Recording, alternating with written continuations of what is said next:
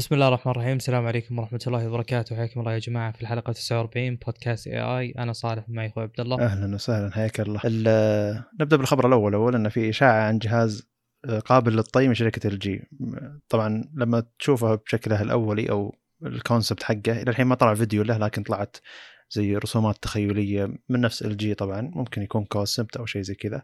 ما في أي شيء واضح للجهاز لكن في زي رسومات توضيحيه شلون الجهاز ممكن يشتغل يعني أو ممكن يستخدم.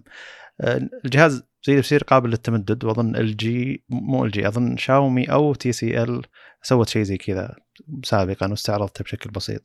اللي هو إن الجهاز يصير زي الشاشة تصير زي ال roll داخل الجهاز فهذا يصغر مساحة الجهاز من ناحية إنه إذا تبي تحط مواصفات داخل الجهاز مثلا أو تستغل مساحة الجهاز فالشاشة تدور على قطعة داخل الجهاز وتثبت داخل لما يكون صغير مثلا فيكون يعني زي الشاشة صايرة على شكل دائرة أو كذا لفة على بعضها داخل الجهاز وهنا تكون ماخذة مساحة من نفس الجهاز. أسطواني يعني. بس أنت تقدر اللي تق... اي اللي تقدر تسويها أنت إنك تمدد الجهاز أو ترجعه زي ما هو عليه. هذا يحل مشكلة ال ال ال الانطواء هذا اللي موجود في في الشاشة الشاشات القابلة للطي الموجودة مثلا جالكسي فولد أو حتى جهاز هواوي ذاك اللي ينصفط بشكل عكسي مثلا. فهذا يحل المشكلة ذي لكن يجيب مشكلة ثانية انه بيصغر عليك مساحة الجهاز تصغر عليك مساحة الجهاز من ناحية إنك تقدر تستغل كمواصفات فهل بتقدر تشغل حجم الشاشه هذا كبره على بطارية مثلا بالحجم ذا؟ فيكون جدا صغير مقابل إنه آه، بيقدر يحط لك مواصفات تشغل مزايا الجهاز هذا بالكامل. ف آه، براءة اختراع أظنها قدمت من 2019 LG وشاومي و TCL كلهم قدموا نفس ال concept هذا. لكن الحين LG بدأ يطلع لها إشاعات. LG صايرة شركة غريبة من ناحية آه، توجهاتها. صايرة تقدم أجهزة نوعا ما غريبة ما هي آه، تقليدية ما في flagship لها واضح بالسوق. لكن مثل الجهاز ال Wing هذا حقها الجديد يعتبر فكرة غريبة وتسويقية أصلا لها حتى لو انها ما عندها جهاز آه، قوي لها سنة. لكن عموما أفكار زي كذا مرحب فيها إنها ممكن تحل مشاكل موجودة بالسوق ممكن تتطور بشكل أفضل. وحتى لو تشارك LG كشركة مصنعة للشاشات مثلا بيكون شيء ممتاز. آه اي يعني ممتاز إنها يعني قصدك توفر حلول أخرى مو شرط حل المشاكل الموجوده آه يعني فكرة ال rollable هذه اللي هو الجهاز اللي يدخل داخل أسطوانة يعني آه، إحنا ممكن مثل ما قلنا في أشياء سابقة في أمثلة سابقة إنه ممكن إحنا ما نشوف وش الاستخدام الفعلي لها. ممكن يكون تطبيقها أصلا ما هو على أجهزة ذكية أتكلم كجوالات كهواتف. ممكن تكون أشياء أخرى. أشياء آه، يعني. استخدامها ما هو تردد عالي زي استخدام مثلا الهاتف. ف وما أدري لاحظت ملاحظة وأنت تقول إن LG صايرة شركة غريبة. أنا خبر إن LG من أول وهي كذا يعني دائما لا يعني المسار الغير كان- معتاد. أسلم؟ لا بس كانت يعني من ال LG G4 قبل كانت شركة تقليديه عاديه يعني ما قاعد تقدم اشياء غريبه ال LG G5 مصرين على فكرة مثلا البطارية تطلع تقدر تركب modules للجهاز مثلا مم. أو قط- قطع ثانية للجهاز. وبعدين كل جهاز بعده أغرب من اللي قبله وما أدري إيش صار بالشركة يعني. وهي طلعت من من عندنا في السعودية والشرق الأوسط عموما فما في ذاك الاهتمام. لكن مثل جهاز ال Wing ذا الأخير يلفت الانتباه حتى لو إنك أنت ما أنت مع فكرته ما قاعد تشوف وسائل الاستخدام له لكن جهاز يلفت الانتباه. بس LG كشركه تلفزيونات أظن نهاية 2019 أو بداية 2019 قدمت TV rollable اللي هو ينصفط داخل صندوق يصير ما في ما في شاشة. ثم إذا شغلت الجهاز زي اللي آه، تنفتح فتحة كذا بال بالتلفزيون ويصعد لك وتصعد لك الشاشة وهي أصلا كانت ملفوفة داخل الجهاز. ف أظن يعني مو صعب عليهم إنهم يصورون الفكرة هذه الجوال لكن ما أدري إذا كانت فعليا هذيك الفكرة عملية هل واجهوا مشاكل؟ بعد ما الناس اشتروا الشاشة ما أدري هي إذا نزلت بالسوق أو لا مجرد كونسبت طرحوه ذاك الوقت وقالوا إنه عندنا التقنية هذه. أنا م- يعني ما عندي اطلاع كبير بعالم التي في وخاصة إن عندنا ما تجي. يعني أي TV غالي محترم نوعا ما صعب تحصله. فشلون لو يجيك شيء rollable وتقنية جديدة آه، فوق ال 10000 ريال يلا تحصله يعني. عموما شيء منطقي يعني. أنا تساؤلي صراحة اللي دايم أقوله يعني شركة مصنعة بحجم كبير زي LG شركة عندها potential مليانة potential تقدر تجيب أشياء غير معتادة زي هذه الأفكار اللي نتكلم عنها حاليا. هو شوي بحول النقاش إلى محاور أخرى. المهم إن قاعد أقول مثلا شركات زي ون بلس آه، شركة ما عندها مقومات ابدا كا اتكلم تصنيع وتوفير hardware بشكل عام وتعتمد على شركات أخرى. وطبعا هذا شيء مو سيء ولا انتقده أنا أصلا. بس أقصد إنه شلون شركة من ولا شيء طلعت بينما شركة عندها كل المقومات إنها تدخل مثلا هذا السوق ولا يعني يعني مو مقدمة شيء مثلا يستحق. يعني كأنك تقول إن أنت عندك كل الأساسيات بس إنك يعني قاعد تنافس على حرج. يعني على استحياء. آه، أنا أدري إن ال business معقد أدري إن مجال الأعمال هذا جدا معقد ويعتمد على أمور كثيرة جدا ومن أبرزها اللي هو ال brand أو السمعة حقت الشركة نفسها في المجال المعين. يعني لو تقول واحد عندنا مثلا بالشرق الأوسط تقول له على آه، هاتف من إل جي وش بيكون ما أتوقع إنه بيك يعني على قولتهم doesn't ring a bell ما راح يحس انه في كذا أو له صدى الاسم. حلو. يعني بصراحة أستغرب انه في يعني لو يطلع عندنا sub brand كذا داخل ال جي مسمى مختلف مثلا بس إنها علامة تابعة لل جي وتكون نوعا ما premium لأنهم يقدرون على هذا الشيء أو يكون آه يعني اللي صاير عند ال جي مسألة اتخاذ قرار يعني اللي هو إنه آه مثلا ال جي وينج صار بمعالج متوسط فهمت؟ يعني القرارات هذه هي اللي قتلت الجهاز ولا الجهاز ك كفكرة وكأشياء كثير يعني اعتبارات كثير أخرى أنا والله يعجبني جدا وعلقت على هذا الشيء وأنا سعيد بوجود أجهزة زي كذا. بس آه، مثل ما قلت تو انه في شيء غلط يعني من هذه الناحية. أنا ما أدري وش اللي مخليهم أو مو محفزهم إنهم يواصلون بشكل واضح لها يعني بهذا المجال. يعني الأسواق القوية زي هذه إما انت تدخل بقوتك أو إنك ما تدخل. كونك تقعد بالنص تنزل شيء جديد وتطور شيء جديد كليا لاحظ. يعني الجهاز هذا ما في جهاز يشبهه هو من الصفر مبني. أنا أقصد أن بناء آه، وتوفير جهاز زي هذا مكلف.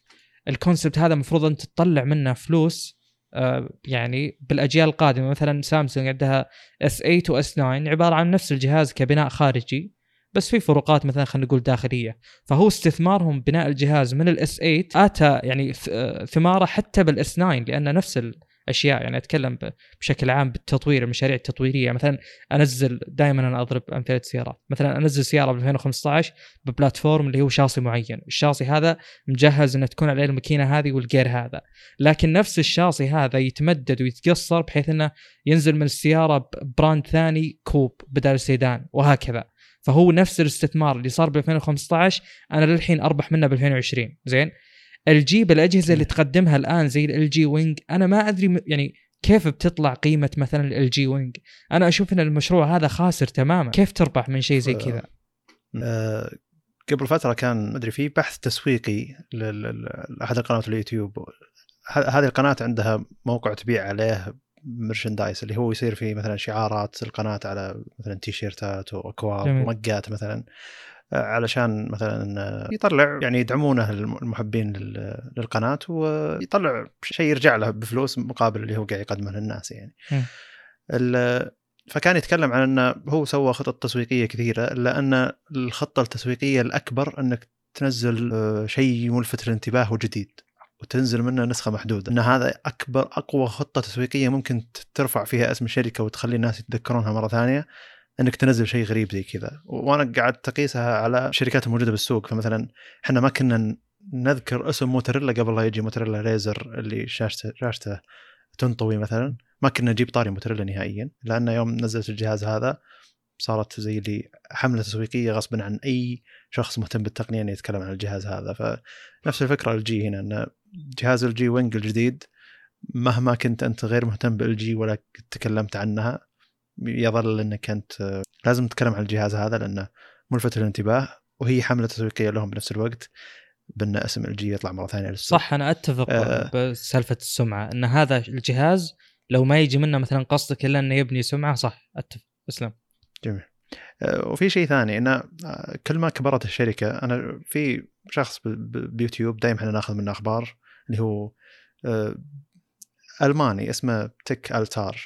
أي واحد بيروحه بيروح له. هو مهتم من ناحية الأعمال في التقنية وشركات التقنية. مو مهتم بال نفس التقنية مهتم بالشركات شلون تشتغل كشركات تقنية. التسميات مثلا كان يتكلم عنها كثير. الشركات وش تهتم فيه وش, وش تخلي وش خططها التسويقية أشياء زي كذا. أكثر من التقنية نفسها. فإحنا مرات ناخذه كمصدر يعني خاصة انه مصادر الأخبار عنده في وجهة نظر. وتقريبا له سنتين ثلاثة يتكلم بوجهات نظر عن ان الشركة هذه بتهتم بالشيء الفلاني والشركة هذه بتهتم بالشيء وجهة نظر شخص مطلع بمجال البزنس في التكنولوجيا. يعني مو مطلع للتك... في التكنولوجيا نفسها مع إنه عنده اطلاع جميل يعني يعتبر.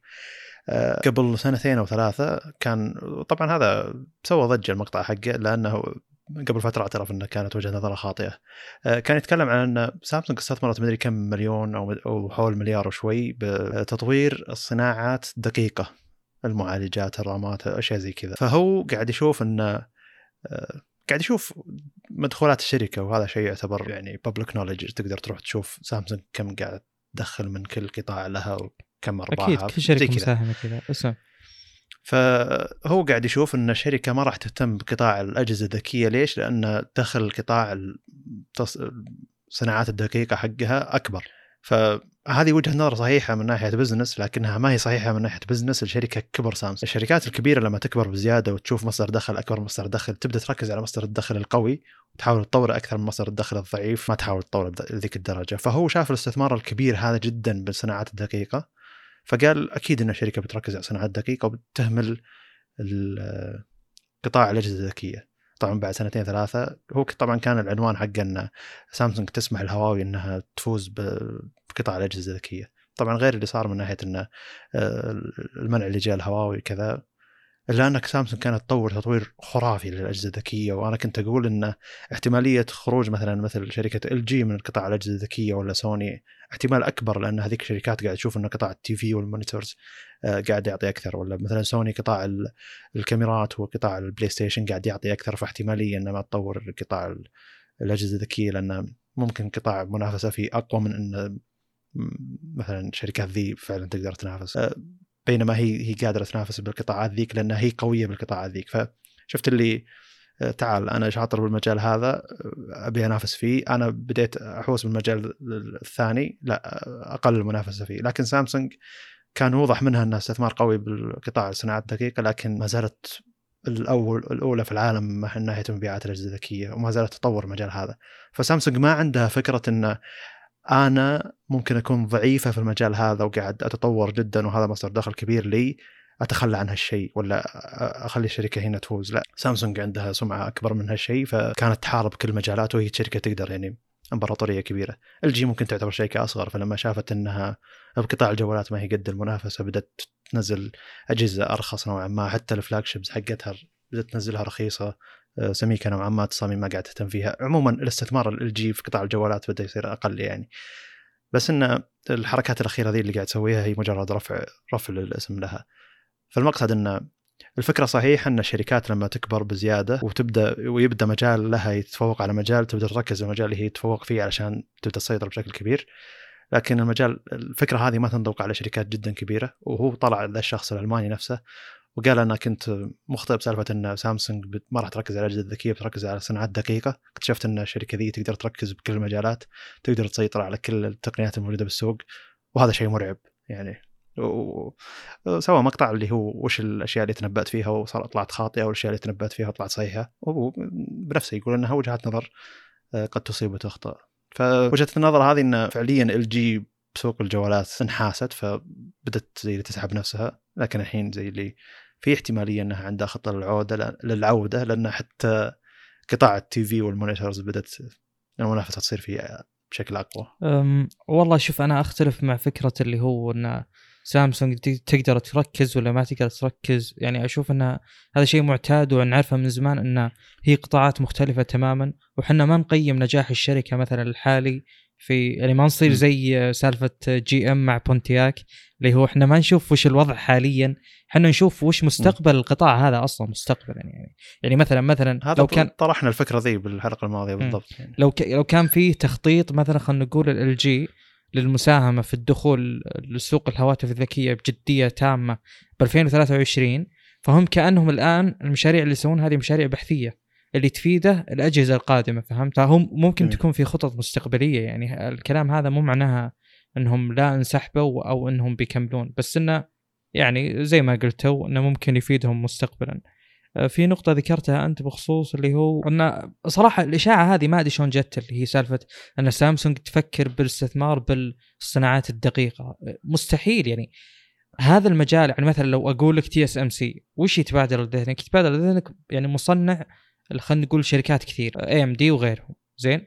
وحتى معالجات Apple المقصد هنا إن هنا هذه الشركة ما لها ما لها اسم ما لها صدى ما لها brand يعني مجرد مصنع. من بيجي يجونه هو بيعتبر business to business شركات كبيرة فقط. ما عنده مستخدمين لازم تبني عندهم مسمى يعني كشركة brand وكذا.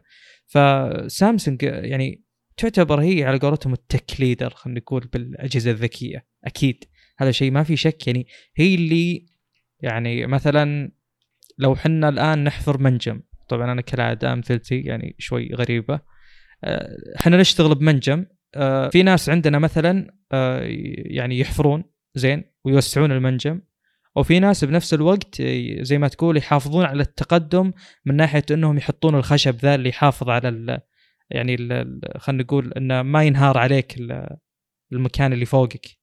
زين؟ ففي هذه الحالة عندنا ناس آه، يعتبر تطورهم بطيء. يعني إحنا الآن المساحة الموجودة هذه بالمنجم آه، الجميع يقدر يشتغل فيها بأريحية ولا هي حرجة. بس عندنا مثلا المكان اللي هو مكان الحفر اللي هو التقدم اللي هو تكبير المنجم ككل مثلا. آه، اللي يساهم بهذا مو شرط الأغلبية بس إن الأصل إن الجميع الباقيين كلهم يمشون على الخطى هذه. فأنا أشوف إن سامسونج تعتبر من الشركات اللي آه، على قولتهم بال bleeding edge أو بال cutting edge اللي هو بنهاية الشيء. يعني قاعد تساهم بالتطوير بآخر المجال هذا. اعلى ما توصلت له خلينا نقول التقنيات مثلا. بينما الشركات الباقية ون بلس وغيرها أكيد إنها تساهم بالنص بس إنها تشتغل على جوانب أخرى. يعني مثلا سامسونج تقدر تغريك بميزات ما تلقاها عند غيرها. الشركات الثانية مثلا تحاول إنها تقدم لك آه، خلطة ما تلقاها عند غيرها من ناحية إنها تكون إيش آه، يعتبر شيء ممتاز وهو اللي يطلب المستخدم وكيف إنك يعني بالتقنيات الموجودة عندك آه، تطلع شيء ممتاز. يعني مثلا خلينا نقول مثال ون بلس أنت كأنك شخص تبي تجمع PC تشوف التقنيات الموجودة تختار منها وتجمع ال PC حقك. سامسونج كأنها هي اللي تصمم PC من الصفر أو خلينا نقول تصمم بي سي بمواصفات خاصة كاستم يعني. لأنها تقدر تسوي هذا الشيء. فسالفة إن سامسونج تطلع من المجالات هذه مستبعدة بشكل كبير جدا جدا إيه بس لأنها مصنعة أصلا. الرد الثاني كان طبعا ذاك الوقت وكنت يمكن مع إني كنت ما أحب سامسونج بس إني كنت أدافع عن الفكرة لأن الفكرة خطأ يعني. إذا كنت أنا إذا كنت أنا كشركة أكثر أنا أكثر من يستفيد من التقنيات اللي أنا أطورها. فمثلا أنا أصنع مثلا هذه وش يسمونها؟ المعالجات والرامات اللي هي صناعات الدقيقة يسمونها أيوة. مثلا. إي خلينا نسميها صناعات دقيقه حلو عجبني عشان ما نحاول عشان ما نحاول نعربها. مو نترجمها حرفيا بتطلع صح. شوي غبية. آه عموما ف لما أنا أدفع مدري مليار وشوي دولار علشان أطور الصناعات الدقيقة وأنا أكثر من يست... أنا كشركة بنفسي أكثر من يستهلك من إنتاجي. صح. يعني سامسونج هي أكثر شركة تبيع أجهزة ذكية في العالم. فهي أكثر شركة تستفيد من تطوير المجال اللي هي قاعد تطوره حتى لو إنه كان مجال تصنيعي. تبيع لنفسها. ف إي فما أجي أقول انه أنا دفعت للناحية هذه علشان أقلل من الناحية هذه لا هم فعليا مرتبطين ببعض. صناعات دقيقة مرتبطة بإني أبيع أجهزة ذكية والأجهزة الذكية الصناعات الدقيقه ذي قاعد تستفيد من مبيعاتها. ف استثماري بمجال ما يعني إني بهم المجال. فأنا كنت مستغرب من التحليل هذاك. كان تحليل أتوقع إنهم يأخذونه ب... بال يعني بإدارة الأعمال بشكل عام مثلا أو البزنس بشكل عام أن إذا شركة بدأت تستثمر بمجال معناتها ممكن تهمل مجال ثاني. لكن ما كان في نظرة أكبر من كذا إلا, إلا أن المجالين جدا مرتبطين ببعض وأن أنا أكبر مستهلك للمجال اللي أنا قاعد أستثمر فيه. ف آه، طبعا أنا كنت بذاك الوقت متنرفز لكن مع الوقت اكتشفت إنه يعني لا يعني كان فكرتي صحيحة ولو فكرتي خاطئة وفعلا كانت فكرة الرجل صحيحة. آه، ما هي مشكلة بعترف بالشيء ذا وقد صار آه، نعترف بالخطأ بشكل سريع جميل. يعني. آه، طيب ننتقل للخبر اللي بعده. معليش عندي مداخلة قوية جدا بقيت أتفلسف وكذا. اللي هو يعني حنا سابقا هذا مثال أنا دائما أضربه وأتوقع إني قد قلته أكثر من مرة بودكاست اللي هو فكرة إنه وشو الصناعات في بدايتها كانت تجينا من مصنع واحد. يعني الحرف مثلا لو رحت المكان شعبي وجيت تشتري حرفة غالبا الشخص هذا يسويها من الصفر للأخير صح؟ جميل, جميل. مشينا مع الوقت وعشان تتطور الصناعات مثلا آه، لو عندنا خلينا نقول أي شيء يعني جوال مثلا الجوال هذا بالبداية كان يصنع كامل من الشركة كله ك hardware وك software بعدين جتنا شركة مثلا شفنا الشركة الفلانية شاشاتها ممتازة فصاروا الشركات الثانية يتعاقدون معها بحيث إنها تصنع لهم شاشات زين؟ شفنا الشركة الفلانية هي تعتبر الأفضل بالأداء فناخذ ال SoC حقها. وإلى آخره فتشكل عندنا هذا اللي يسمونه كالعادة أرجع على الشهادة ذيك اللي أخذتها اللي هي ITIL ITIL يسمونها اللي هو دائما تركز على موضوع ال value streams أو ال service value system اللي هو من ناحية إن أنا الآن عندي آه مثلا سلسلة آه توفير لل end user. يعني عندي مثلا الآن آه جهاز الجهاز هذا بيمر بمراحل عشان يوصل لل user يعني بمر بمرحلة صناعة المعالج بعدين بمرحلة صناعة الشاشة مثلا. زين؟ فهذه الأشياء شفت إحنا عندنا سلسلة أول شيء آه اللي هو الموفر اللي يوفر الشيء بعدين اللي يشتري منه. زين؟ تجينا مثلا شركة زي آه، خلينا نقول TSMC مثلا توفر معالجات خلينا نقول لسامسونج كمثال. مو هي طبعا اللي ترسم بس هذا شيء من ال service value system. تجينا مثلا سامسونج تشتري. سامسونج بنفس الوقت خلينا نقول آه تبيع لشركات ثانية اللي هو خلينا نقول Exynos كمثال. الشركات الثانية تحط هذا الشيء بأجهزتها وبعدين تبيعه لل end user اللي هو المستخدم الأخير. زين؟ بعد بعد الحوسة هذه كلها إحنا وش نستفيد؟ نستفيد إن عندنا أكثر من طرف داخل بنفس المعادلة. زين؟ ففي هذه الحالة نحاول نحسن ونزيد ال integration التكامل بين موفرين الخدمة ذولا. ليش؟ عشان نقلل الاوفر هيد اللي هو التكاليف الإضافية اللي تصير بينهم. حلو؟ عشان يصير في تكامل بينهم يصير مثلا تجينا الشركة مثلا لو عندنا أربع أربع ناس في الط... في السلسلة هذه آه، الأول يعطي الثاني. يعني الأول يعتبر موفر للثاني الثاني يعتبر زبون للأول. الثاني يوفر للثالث والثالث يعتبر زبون للثاني وهكذا. زين؟ إحنا آه، نحاول نخلي بينهم تكامل. آه بعدين يعني بعد ما تكبر السلسلة وتصير حوسة وكذا آه نوصل المجال زي أحد الشركات عندنا السعودية. آه عندها قطاع قوي جدا. زين؟ القطاع هذا يشتغل فيها. يعني يعني يساعد الشركة هذه. يعتبر قطاع داخلي بالشركة. زين؟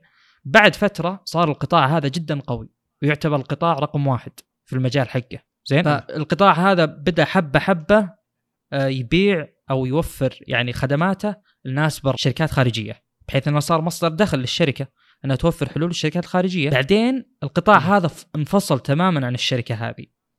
فصار إيش؟ صار يبيع الخدمات حقته للشركة الأساسية اللي طالع منها ويبيعها للكل. وش نستفيد حاليا؟ القطاع هذا هل ممكن يسكر القطاع الجديد هذا اللي يوفر الخدمات هذه هل ممكن يسكر؟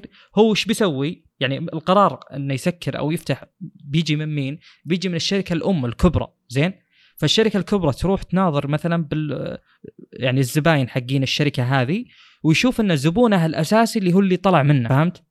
اي فهنا مستحيل يسكر حتى لو خسر القطاع حتى لو صار أي شيء. اللي خلاني أجي للسالفة هذه كلها إن سامسونج توفر حلول لشركات كثيرة جدا جدا جدا.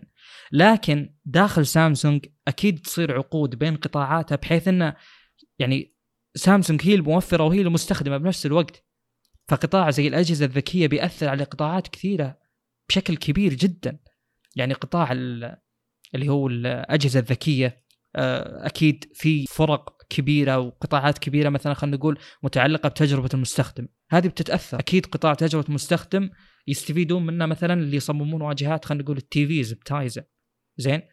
فسلاسل كثيرة بتتأثر. الأجهزة الذكية هي أكثر أجهزة مرتبطة بشكل مباشر بال end user وتحتاج أبحاث ودراسات بحيث إنها توفر له تجربة أفضل. فصعب إن قطاعات زي هذه تروح لأن أصلا سامسونج حتى لو ما تربح من القطاع نفسه بتربح من خلينا نقول الميزات اللي تستفيد منها باقي القطاعات داخل الشركة نفسها. يعني مثلا سامسونج تصنع Exynos. زين؟ تصنيعها ال Exynos وال خلينا نقول الصناعات الدقيقة عندها بتتأثر إذا واحد من زباينها اللي هو سامسونج smartphones بيطلع صح؟ إي فهذه يعني الموضوع جدا متشعب وجدا متداخل وأمر زي كذا في الوقت الحالي غير مقبول واصلا المفروض إنه حتى ما يتحقق منه لأنه يعني صعب جدا. يعني لو نزلت سامسونج لازم في شركة تجي مكانها. من من اللي مثلا خلينا نقول بقد سامسونج يقدر يعني أنا ما أتكلم إحنا ما نقيم الشركة من ناحية أجهزتها. إحنا نقيم وش ممكن تقدم. ما في شركة بحجم سامسونج ممكن تشيل الراية خلينا نقول. عشان كذا أنا بس أقول إن أمر زي كذا حتى ما يؤخذ خلينا نقول آه كاحتمال. لأنه يعني ما ما أشوف إنه مقبول أصلا. ما أدري إذا كلامي واضح ولا لا إن شاء الله نرى مع إن ذاك الوقت يعني صعود هواوي المفاجئ بشكل كبير للسوق وتركيز سامسونج بالمليارات ذي على صناعه دقيقة ممكن يحفز الواحد إنه بس من ناحية business يحاول يعني يستنتج منها شغلات لكن آه، لازم ينعرف آه، يعني حجم كل شركة بالسوق فبالتالي يوضح توضح الفكرة بشكل أفضل المفروض. جميل. بس أنا أقول لك يعني كمثال بسيط يعني لو طلعت يلا سامسونج smartphones من السوق يلا الحين عندنا مثل ما قلت يعني قطاع الصناعه الدقيقة يقول يلا من ما كانت من الفكرة ان تطلع كانت الفكرة ان تخلي الشركات الباقية تنتصر لأن هي أصلا بايعة تقنيات دقيقة بايعه صح بس بنفس الوقت الآن كيف مثلا معالج زي اكسنس يباع برا سامسونج؟ هل يباع أصلا؟ ما يتم هذا الشيء. فانا أنا بس أبي أوصل فكرة إن الموضوع ترى وين ما هو بسيط أبد. يعني هذه الشركة تساهم في الصناعة من جب من نواحي واجد من نواحي كثيرة جدا. ف يعني شركة مثلا خلينا نقول تعتبر بنهاية ال value chain هذه بنهاية خلينا نقول السلسلة. يعني الشركة اللي قبل ال end user زي خلينا نقول مثلا شركة زي ون بلس آه، في جهاز محدد اللي هو مثلا ال 8T ال 8T عندهم يعتبر جهاز rebranded أو rebadged على قولتهم. أنا ما أشوف إن الجهاز هذا يعني أنا أشوف إنه S20 FE ما أدري يمكن كلامي مو صح ترى بس أقصد إنه طبعا هذا مو مو شيء سيء ابدا. بس المقصد لو آخذ الجهاز هذا وأسحبه من السوق هل بيتأثر شيء؟ لا ما ما راح يتأثر شيء لأنه هو يعتبر بنهاية السلسلة. وما هو بالأمور الجذرية زي المعالجات وغيرها اللي إذا راح منك زبونك اللي هو ال business اللي هو الشركة الكبيرة اللي بتاخذ منك ملايين هنا بتصير في مشكلة. أما لو راحوا مني ال users لا خلاص عادي. أه وشيء ثاني ترى التقنيات الدقيقه أكبر من إن يعني إن نقول نقول إن أه هي سامسونج بس بتركز عليها لحالها يعني إن سامسونج تركز على التقنيات الدقيقة هو مجال كبير جدا عندها ف صعب إنك تقول هي بتركز على المجال هذا. هو مجال كبير جدا صح إيه. تقدر تركز عليه فبالتالي هي تقدر تركز على الأشياء الباقية. ف زي اللي آه، لما تركز على تقنيات دقيقة عندها أو الصناعات الدقيقه ذي آه، عادي آه، يعني هذا يساعدها على التركيز على الأشياء الباقية اللي صح. متفرعة من التقنيه الدقيقه فمثلا شراكتها مع انفيديا وصح. ومثلا إنهم إنهم سووا امبير الجديد هذا مع كروتهم الجديدة. ال SSD حقت سامسونج المعروفه عالميا. ما يحتاج نتكلم عنها. ال RAM ات الصغيرة الدقيقة للأجهزة الذكية تطوير سامسونج بالعادة يعني. حتى الاي سي سي ميموريز حقت ال server ات حقت الماك برو كلها سامسونج. جميل. فالمقصد إنه لما تركز على التقنيات الدقيقة هو مجال واسع جدا يسمح لها إنها تتطور بالمجالات الباقية بشكل تلقائي. صح. يعني لما لما تتطور يتطور ال hardware الداخل يعني تتطور قطع ال hardware الداخلية لأي جهاز من السهل إنك تطور نفس الجهاز. خلاص هي خطوة يعني تابعة مباشرة. م. تعتبر أبسط على الشركة من إنها تطور نفس قطع ال hardware الداخلية. ف عموما شوف بنفس الوقت يعني الآن حنا صار عندنا تداخل كبير بين القطاعات الموجودة. زي مثلا فكرة ال ecosystems اللي هو إنه يكون في تناغم بين الأجهزة بحيث إنه يكون لها وسط تتواصل فيه. يعني مثلا لو وفرت خدمة داخل أجهزة سامسونج مثلا كسامسونج ecosystem بحيث إنك تقدر تنسخ بجهاز زي الموجود ب AirDrop أو موجود عند ال ecosystem حق ابل وتقدر تلصقه بمكان ثاني. أنا الآن مثلا عندي خلينا نقول ثمان أجهزة ثمان أنواع أجهزة ممكن تتناغم فيما بينها. وش صعوبة إدخال جهاز تاسع في المعادلة؟ سهل جدا. يعني نفس ال interfaces اللي استخدمتها هنا استخدمها هنا. نفس ال APIs نفس الأشياء هذه أسوي لها على قولتهم يعني في quality attribute فيه شيء مهم عندنا كصناعة ال software بشكل عام اللي هو إنك تركز على ال reusable components الأشياء القابلة لإعادة الاستخدام أو إنك تبني تبني منتجك سواء software ولا hardware بحيث إنه قاب يكون قابل لإعادة الاستخدام. يعني مثلا بدل ما يكون عندك خلينا نقول آه، سماعة تنلحم بال motherboard المنفذ حقها تسوي وش تسوي منفذ اللي هو ال jack 3.5 وتوفر للسماعة اللي هو السلك هذا ونهايته اللي هو ال jack 3.5 بحيث إنه خلاص أي شيء مع هذا ال interface أو مع خلينا نقول هذا الوسط يقدر يتواصل. زين؟ فأشياء زي هذه بال ecosystem مثلا اللي افترضنا إنه موجود عند سامسونج آه بتخلي في ترابط كبير. يعني مثلا أنا استثمرت الآن في صناعة المنفذ هذا اللي هو ال jack 3.5 فأنا أبي أطلع أكبر قيمة منه. زين؟ مو زي إنه لو إني صممت منفذ خاص فيهم ويعني مثلا زي اللي موجود عند بلاي ستيشن اللي هو مع ال... يصير بين ال SSD وبين المعالج. هذا الشيء غير قابل لإعادة الاستخدام بأماكن ثانية لأنه يعتبر ملحوم وخلاص. يعني أنا الآن المفروض إن البلاي ستيشن 5 هو اللي يعطيني قيمة التطوير هذا. ما أقدر أطلع القيمة من أجهزة ثانية. ما أقدر أحلبه يعني حلو. بالعربي. فبنفس الوقت الآن بالتناغم الكبير هذا بين خلينا نقول القطاعات الداخلية صار عندنا يعني زي ما تقول كأنها دخلت كذا بسلسلة ما تقدر تطلع منها آه، بسهولة. يعني أول لو مثلا سويت سوت نوكيا جهاز آه، سيمبيان نظامهم هذا والجهاز خسر. بعد سنتين كالعادة يعني تنزل أما نسخة جديدة من النظام أو نسخة يعني أو ينزل نظام جديد أصلا مختلف تماما عن اللي قبله. فخسارة ذاك غير متعلقة بالجديد لأن ذاك مبني من, من الصفر. ما هو يعتبر خلينا نقول small increments اللي هو دفعات بسيطة تطورية. لا يعتبر خلاص بدينا من الصفر طورنا شيء مستقل تماما. فكانت القطاعات مستقلة فيما بينها. لو خسر شيء الشيء الثاني ما له علاقة. أنا أتصور مثلا بالمستقبل إن أو يمكن هذا الشيء موجود في الحاضر اللي هو إن مثلا أنا طورت الآن آه، خلينا نقول معالج ولا طورت واجهة مستخدم. الواجهة هذه تصير تستخدم على أجهزة كثير. يعني الحين مثلا سامسونج ساهمت في تصنيع خلينا نقول معالجات مبنية على ارم زين؟ المعالجات هذه تستخدم بأماكن كثيرة. إي فيعني أكيد إن آه، الخروج من المجال هذا يعني ما هي لوسلي كابلد ما هي كذا مربوطة ببعض آه، أو معليش أول هي كانت ما هي مربوطة ببعض بحيث إنها طلعت أي واحد من السلسلة هذه يعتبر سهل. الآن صار كل شيء مترابط فصار مثلا آه، يعني تطوير خلينا نقول تايزن يفيدني بال TVs ويفيدني بالساعات الذكية مثلا. فأنا يوم أطوره يكون عندي بالاعتبار الشيئين ذولا. فما أقدر يعني يعني مساهمتي بتطوير هذا النظام أصلا كبيرة. فأنا أحاول أطلع منه قد ما أقدر. يعني هذا هذا اللي حلو إحنا بنرجع لسامسونج فخلنا يعني بالحلقة نفسها بنرجع لسامسونج فخلنا نطلع الموضوع اللي بعده. جميل. اللي هو خبرين عن أجهزة جوجل بيكسل والشركة ذي صارت تتنرفزني بشكل غير معقول. هي تنرفز عموما أي شخص يشوف التقنية يعني. جميل. أول شيء الجهاز جهاز بيكسل 5 يفعل الشحن العكسي اللاسلكي تلقائيا لما توصلها بالشاحن حق ال USB-C. جميل. السالفة اللي تنرفز هنا إن هذا الدلالة إن ال hardware يسمح إنك تشحن شحن عكسي لأي جهاز.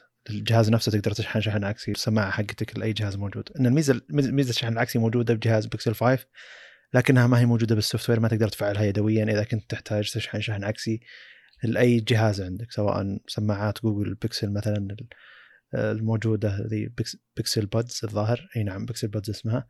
آه، أو أي جهاز ثاني يشحن شحن عكسي. فلكن لما جو الناس كذا استخدموا الجهاز شبكوا الجهاز على ال USB. بالغلط واحد حط الجهاز على وجهه وحط السماعة فوقه. ما أدري وش كان الاختبار يعني بس المهم إنه اكتشف بالغلط إنه فعليا الجهاز قاعد يشحن الأجهزة اللي فوقه بشحن عكسي. فليش ما تضيف الميزة هذه بالسوفت وير وتخلي الواحد يقدر يطفيها ويشغلها بدل ما أنها تستهلك الطاقة أو تسبب حرارة لما الجهاز يشحن؟ وهذا بشيء شكل تلقائي يعني تشبك الجهاز على الشاحن حق الجهاز الجهاز يتفاعل فيه شحن لاسلكي العكسي سواء أنت حاط فوقه جهاز يشحن أو لا. فهذا يستهلك طاقة من الشحن المباشر يعني. إلا إذا كانت مثلا هذا وزن الطاقة إنه يبي جزء من الطاقة يضيع فقاعد يضيعها بشحن اللاسلكي العكسي مثلا. ويسبب حرارة للجهاز بالعادة إن الشحن اللاسلكي يسبب حرارة للجهاز وأيضا الشحن اللاسلكي العكسي مع إنه تقريبا 5 واط ما هو بذاك ذيك السرعة يعني فمو مشكلة. المهم إن الميزة موجودة بشكل hardware ي ليش ما تضيفها بشكل software ي الناس تقدر تستخدمها متى ما تبي وتقدر تسوق لها يعني تسوي زحمة ترى تقدر عشان الميزة هذه بشكل بسيط. الخبر الثاني إن أجهزة جوجل بيكسل ما أدري واحد فيهم 4A أو 5 أو 4A 5G والظاهر إنه 5 لأنه تو نازل لأن 4A له فترة طويلة نازل ولا على المشكلة هذه.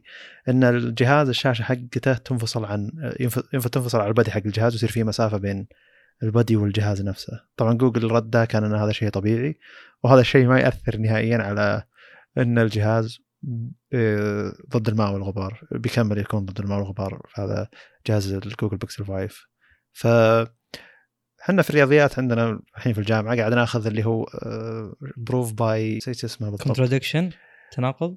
contradiction بالضبط. إيه فإحنا ناخذ مسألة ويقول لك يلا proof by contradiction فهنا بمفهوم عكسي انه لما الجهاز ما يكون في مسافة بين الشاشة والبدي هذا شيء مو طبيعي. بما انك انت قلت إنه من الطبيعي إنه يكون الجهاز والشاشة بينهم مسافة. إيه. فوش. التعليق نوعا ما ساخر لكن فعليا يعني إذا هذا الشيء طبيعي وش الشيء اللي مو طبيعي يعني؟ طيب. شيء مو طبيعي إن الجهاز لاصق بالشاشة يعني فشيء ينرفز ورد فعل الشركة ينرفز أكثر يعني. أنا تعليق على الموضوع زي بالضبط زي اللي علقت فيه على ال جي LG عندها الإمكانيات ال hardware ية وعندها ال potential آه بيكسل عندها السمعة. يا أخي يعني لو تقول لاي شخص بالذات اللي يجونك مثلا من ابل تقول له يلا عندنا شركة نفس النظام هي اللي توفر ال hardware أو هي اللي تحدد مواصفات ال hardware وهي اللي توفر ال software فهذا الحالة يعتبر شيء مغري مع اختلافي معه لكنه يعتبر شيء جدا مغري. زين؟ يعني قوة قوة جوجل في خلينا نقول ال AI وال machine learning وما أدري وشو هذه تعتبر قوة مستقلة. وأنا اعتبرها هي مصدر قوة الجهاز. مو سالفة إن التناغم بين ال hardware وال software والخرابيط هذه. ف يا أخي حرام إن شركة يعني إحنا نعيد ونبتل ونقول بهالسالفة اللي هو إن شركة عندها كل كل هالإمكانيات وعندها المكان المميز جدا اللي ما حد من شركات ولا حد بيصير له هذا المكان أو بيكون موجود فيه اللي هو إنك أنت الآن يعني في ك خلينا نقول موفر الأندرويد أو كداعم الأندرويد وبنفس الوقت يعني تقدم أجهزة منك وباسمك مو زي نكسس قبل. فهذا الحالة يعتبر شيء قوي جدا. ليش ما يستغل بشكل خلينا نقول على الأقل أنا طلعني من المعادلة. أنا مو مهم بالمعادلة. بس في ناس يا أخي أشوفهم يحبون جوجل بشكل كبير. يا أخي هو ما عنده يعني أي خيار ثاني إلا إنه يشتري آه، خلينا نقول أجهزة جوجل. من كثر ما إنه خلينا نقول مهتم ويحب فذولا مساكين يا أخي. يعني فعلا والله. كم لهم مثلا سنة وهم يعني ما يجيك جهاز زي لوادم ما أبي جهاز ممتاز بس جهاز على الأقل يحترمني. يعني لو يجيهم مثلا خلينا نقول زي ون بلس 8 جهاز ما يعتبر مميز ولا أصلا يعتبر مغري للشراء لكنه جهاز محترم. في كل الإمكانيات اللي تحتاجها بأي جهاز يعني بشكل منطقي في 90 هرتز مثلا. أتكلم على معالج رائد وفي منطقية بالسعر نوعا ما والشاشة تعتبر صراحة ممتازة يوفر لك خيارات كثيرة بالكاميرا. فالمقصد إنه يعني على الأقل جهاز معتدل. يا أخي اس 20 اف اي مثلا ما هو ما هو جهاز رائد وبال خلينا نقول premium flagship بس إنه جهاز محترم. يعني أنا ما أطالب ترى جوجل إنه تجيب لي ثورة hardware ية بالجهاز ابدا. بس جهاز يكون معتدل كمواصفات وإلى آخره وبيكون بسعر منطقي. أسلم. صحيح هم لما حاولوا يرخصون الجهاز يعني استرخصوا بأماكن غريبة صراحة. ما كان له داعي. يعني هو شوف هو ممكن إنه يعني business wise على قولتهم يكون شيء جدا آه يعني يفيدهم من ناحية إنه يصير 350 دولار وبخيارك الأول اللي هو كم؟ ال 4a 4a صح؟ اي ف يعني ممكن هو يكون فعلا آه له قيمة أو يرجع لي خلينا نقول مربح. لكن زي النقطة اللي ذكرناها بحديثنا عن LG اللي هو إن هذا الشيء ما يبني سمعة أتوقع البكسل بالذات قطاع بكسل ابدا ابدا يعني. لأنه ما يقدم شيء جديد. هو يحاول يقدم لك شيء اقتصادي. الشيء الاقتصادي ما يبني سمعة ولا يسوي شيء. فما أدري والله. يعني ما ودي أقول إن إحنا ك خلينا نقول بودكاست يعني لنا قدر جيد من المستمعين بس انه ما ودي إن نؤخذ على إن مثلا ننتقد شركة كبيرة ونغلط شركة كبيرة. بس النتائج تثبت. يعني اللي حاصل بالسوق يثبت. الشركة ما هي ماسكة جادة أصلا. ما هي الشركة ما تنزل جهاز والسنة الجاية تنزل نفس الجهاز خلينا نقول بتطوير. لا الشركة تنزل لك جهاز خلينا نقول بمواصفات معالج flagship ثم السنة اللي عقبها يطلع كذا شيء فجأة يختفي هذا وتنزل بدالة فئات ثانية بمعالج متوسط. الحين ما في معالج رائد صح؟ بالبكسل الحالي. اي ف يعني واضح إن الشركة كل مرة يجي قرار جديد كل مرة يجي يعني خلينا نقول أمر جديد. قلت المبيعات هذا اللي موضح الشيء ذا يعني. عموما قطاع بيكسل من طلع وأنا شخصيا في كراهية له لأن قطع سلسلة أنا كنت أحبها اللي هي النكسس. حتى مع إنه في مرات تجيك أجهزة نكسس آه، تعتبر غلطة يعني كذا والجهاز يعتبر غبي وفي اخطاء واجد. لكن الجهاز اللي بعده مع شركة ثانية شوي يحسنون من هنا يعطونك تجربة حلوة. بس المنافسة من طلع البكسل أصلا منافسة بقطاع الأجهزة الذكية قاعد ترتفع ترتفع لدرجة مخيفة لدرجة إن إحنا وصلنا لأسعار غير معقولة يعني وحتى جوجل لما تجيب الأسعار غير معقولة هذه ما هي قادرة تنافس فيها. والحين يوم نزلت لسعر معين الشركات نزلت معها يعني نزلت أجهزة بحول السعر منافسة أفضل. فاللي بياخذ أجهزة جوجل هو ناوي أجهزة جوجل بس ما يبي أجهزة ثانية ف صح. أتمنى إنه يكون التعامل مع الشخص ذا اللي جاي علشان ياخذ جهاز بيكسل ما ما ما يتعامل معه بالطريقة هذه إنه يكون في خطأ بالجهاز ويقولوا لا الخطأ ما هو موجود بالجهاز هذا الأمر طبيعي. وش اللي مو طبيعي إذا كان الجهاز شوي ينفصل على الشا... عن الشاشة؟ أه يعني مشاكل تصنيعية هذه المفروض مباشرة تجي تقول والله معليش تعطيه جهاز جديد وتاخذ الجهاز ذا اللي فيه مشكلة وتشوف له حل يعني.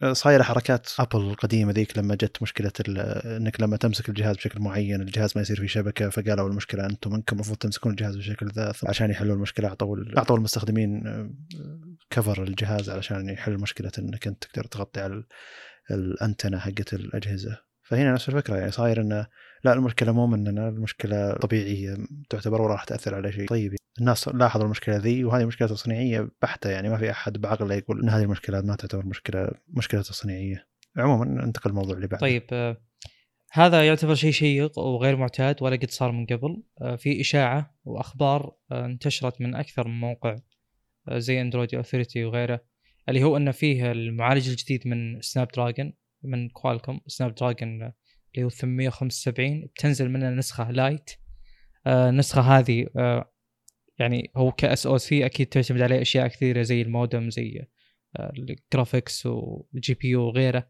ف الحين خلنا خلونا نقول وش بيفرق فيه ال Lite بعدين بنتكلم على وجوده بالسوق وش بيأثر عليه وإلى آخره. ال 875 ال Lite بيجي الأصل بنفس البناء حق ال 875 وهذا الشيء أنا أحييه تماما. آه، بس إنه بيجيك بالاصل بترددات أقل. ال 875 أذكر ان قد تكلمنا عنه قبل. آه، بيجي بنواة أساسية Cortex X1 اللي هي تعتبر خلينا نقول ال boost clock لها. هي اللي تاخذ المهام الثقيلة. هي اللي تاخذ المهام اللي تحتاج ترددات عالية مثلا. هي اللي تعتبر performance clock أو performance core بعدين عندنا ال cluster الثلاثي اللي يعني آه، سابقا كان ال A77 الآن بيصير ال A78 آه، بيصير عندنا يعني أول كان في عندنا أربعة A77 واحدة تعتبر ترددها أعلى والباقي الثلاث يعتبرون بتردد أقل. بعدين عندنا اللي هو ال A55 زين؟ آه الآن تغير الموضوع وصار عندنا نواة مخصصة للترددات العالية بحيث أنها تكون مصممة من الأساس إنها يعني تدعم ترددات عالية اللي هي ال Cortex X1 آه المهم خلنا خلونا أتكلم عن ال Lite ثم نرجع لهذا الموضوع لأن أصلا بنقارنه بشيء ثاني بعدين.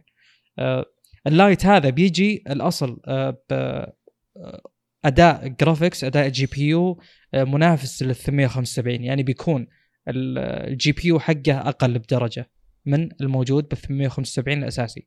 وموضوع دعم آه، يعني الترددات بالمودم وغيره آه، ممكن يكون يعني أكيد أقل وأيضا الشيء الثالث اللي هو يعتبر شيء أساسي جدا اللي هو الرامات ممكن دعم الرامات كتردد وكسعة يكون أقل من 875 وهذا شيء مقبول جدا.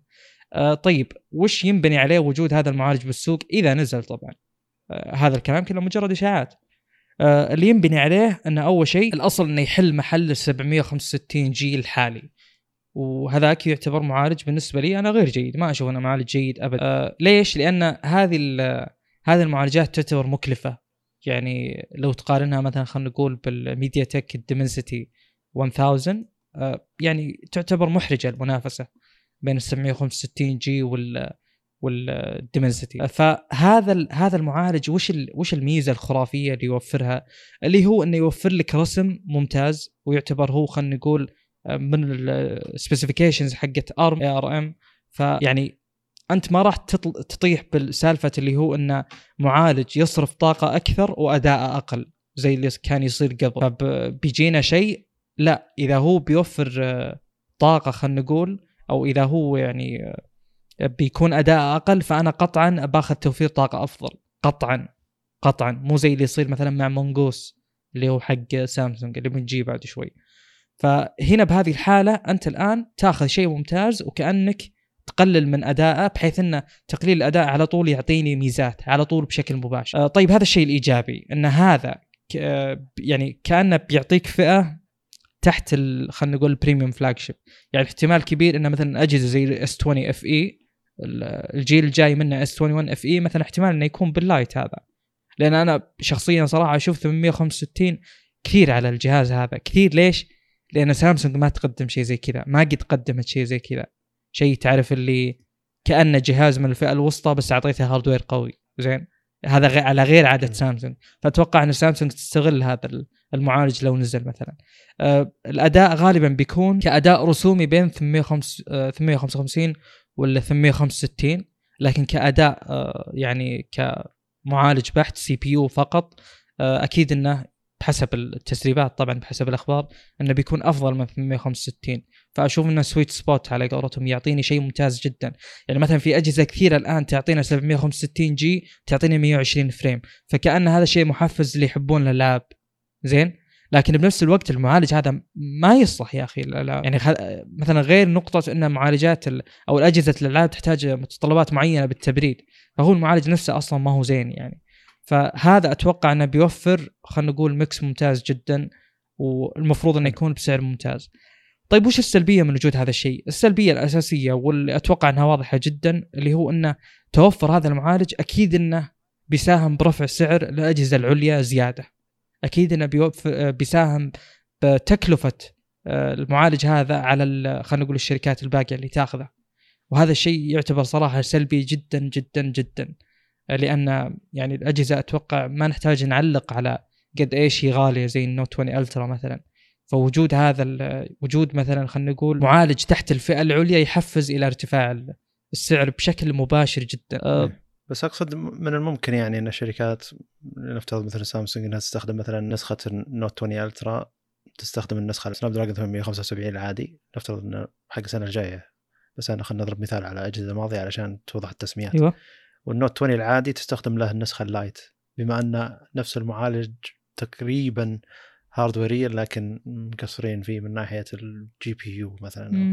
ف... منطقي عادي يعني. يفتح إي أقصد يفتح باب انه يكون في فرق بالمعالجات لكن بيقول لك ترى نفس الرقم لكن هذا مخففينه شوي مثلا أو يعني ممكن. يصير منطقي أكثر من انه لو انه بيحطون معالج آه، فعلا أقل. ونقطة الألعاب فعليا يعني ترى آه، شركة ون بلس وهذه عجبوني إنهم صادقين فيها كانوا فعليا يعني. انه كانوا يقولون انه ما في ذاك ذاك الفرق اللي بيقدر يلاحظه المستخدم بين معالج 765 G و865 إذا كان استخدامه خارج الألعاب من يدخل الألعاب بيوضح معها الفرق. ف وهذا الفرق الفعلي اللي بيلاحظه المستخدم. أكيد. باقي الفروقات يمكن مو مرة يلاحظها فهنا نفس الفكرة يعني بيصير الفرق جانب طيب الالعاب بس أقصد إن 765 G فرق جدا كبير بال GPU عن 60 865 فعلا. أنا بس النقطة اللي بذكرها ممكن آه، يعني تسبب لخبطة عند المستمع اللي هو ترى إن ال Lite م. هذا يختلف hardware يا غير ال CPU فمو زي فكرة انه 865 865 Plus لا هناك عندنا غير ال GPU تقصد؟ لا لا غير ال CPU يفرق. ال CPU نفسه. ال CPU نفسه إي بس الأشياء اللي معه modem GPU يعني بيكون فيها خلينا نقول مواصفات أخرى. فمو زي ال 865 Plus ابدا. يعني الفكرة هناك تختلف إنه مجرد خلينا نقول إعادة يعني إعادة ضبط للترددات وإلى آخره. يعني آه. يكون زي ما تقول driver ولو إنه مو driver بالتحديد بس إنه يكون أقرب إلى driver من إنه فعلا ان ال package هذا يختلف ك SoC طيب آه، إي بس هنا فعليا بيكون الفرق فقط في الألعاب بما إن ال CPU نفسه بما إن ال GPU هو اللي يختلف فعليا. لا بس أكيد الآن مثلا المواد المستخدمة في تبريد المعالج هذا اللي هو ال Lite بتكون أقل فبيكون يعني تقريبا يعطيك نفس أو يعطيك نتيجة أقل مو عشان هو في مشكلة بس عشان التبريد وعشان التردد. يكون يعني بصفة جميل. أقل زي اللي تقريبا يحصل في معالجات ال desktop إذا جت لك نسخة النسخة اللي قابلة لكسر السرعة والنسخة اللي آه، ما تقبل كسر السرعة يكون ال IHS أحيانا يختلف.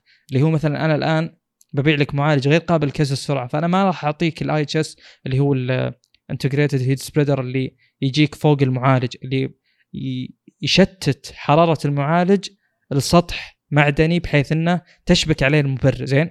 هذا مو لازم تكون جودته عالية في معالج غير قابل لكسر السرعة لأن بكل الأحوال مصنع المعالج هذا يعرف وش أقصى شيء ممكن توصل له بينما اللي قابل لكسر السرعة لا هو ما يدري أنت تقدر تحوس زي ما تبي تقدر توصل أرقام عالية جدا يعني. فأتكلم الفكرة هنا إن آه، هو دام إنه معطيك يعني معالج دي تون فما راح يجتهد غالبا بالتبريد.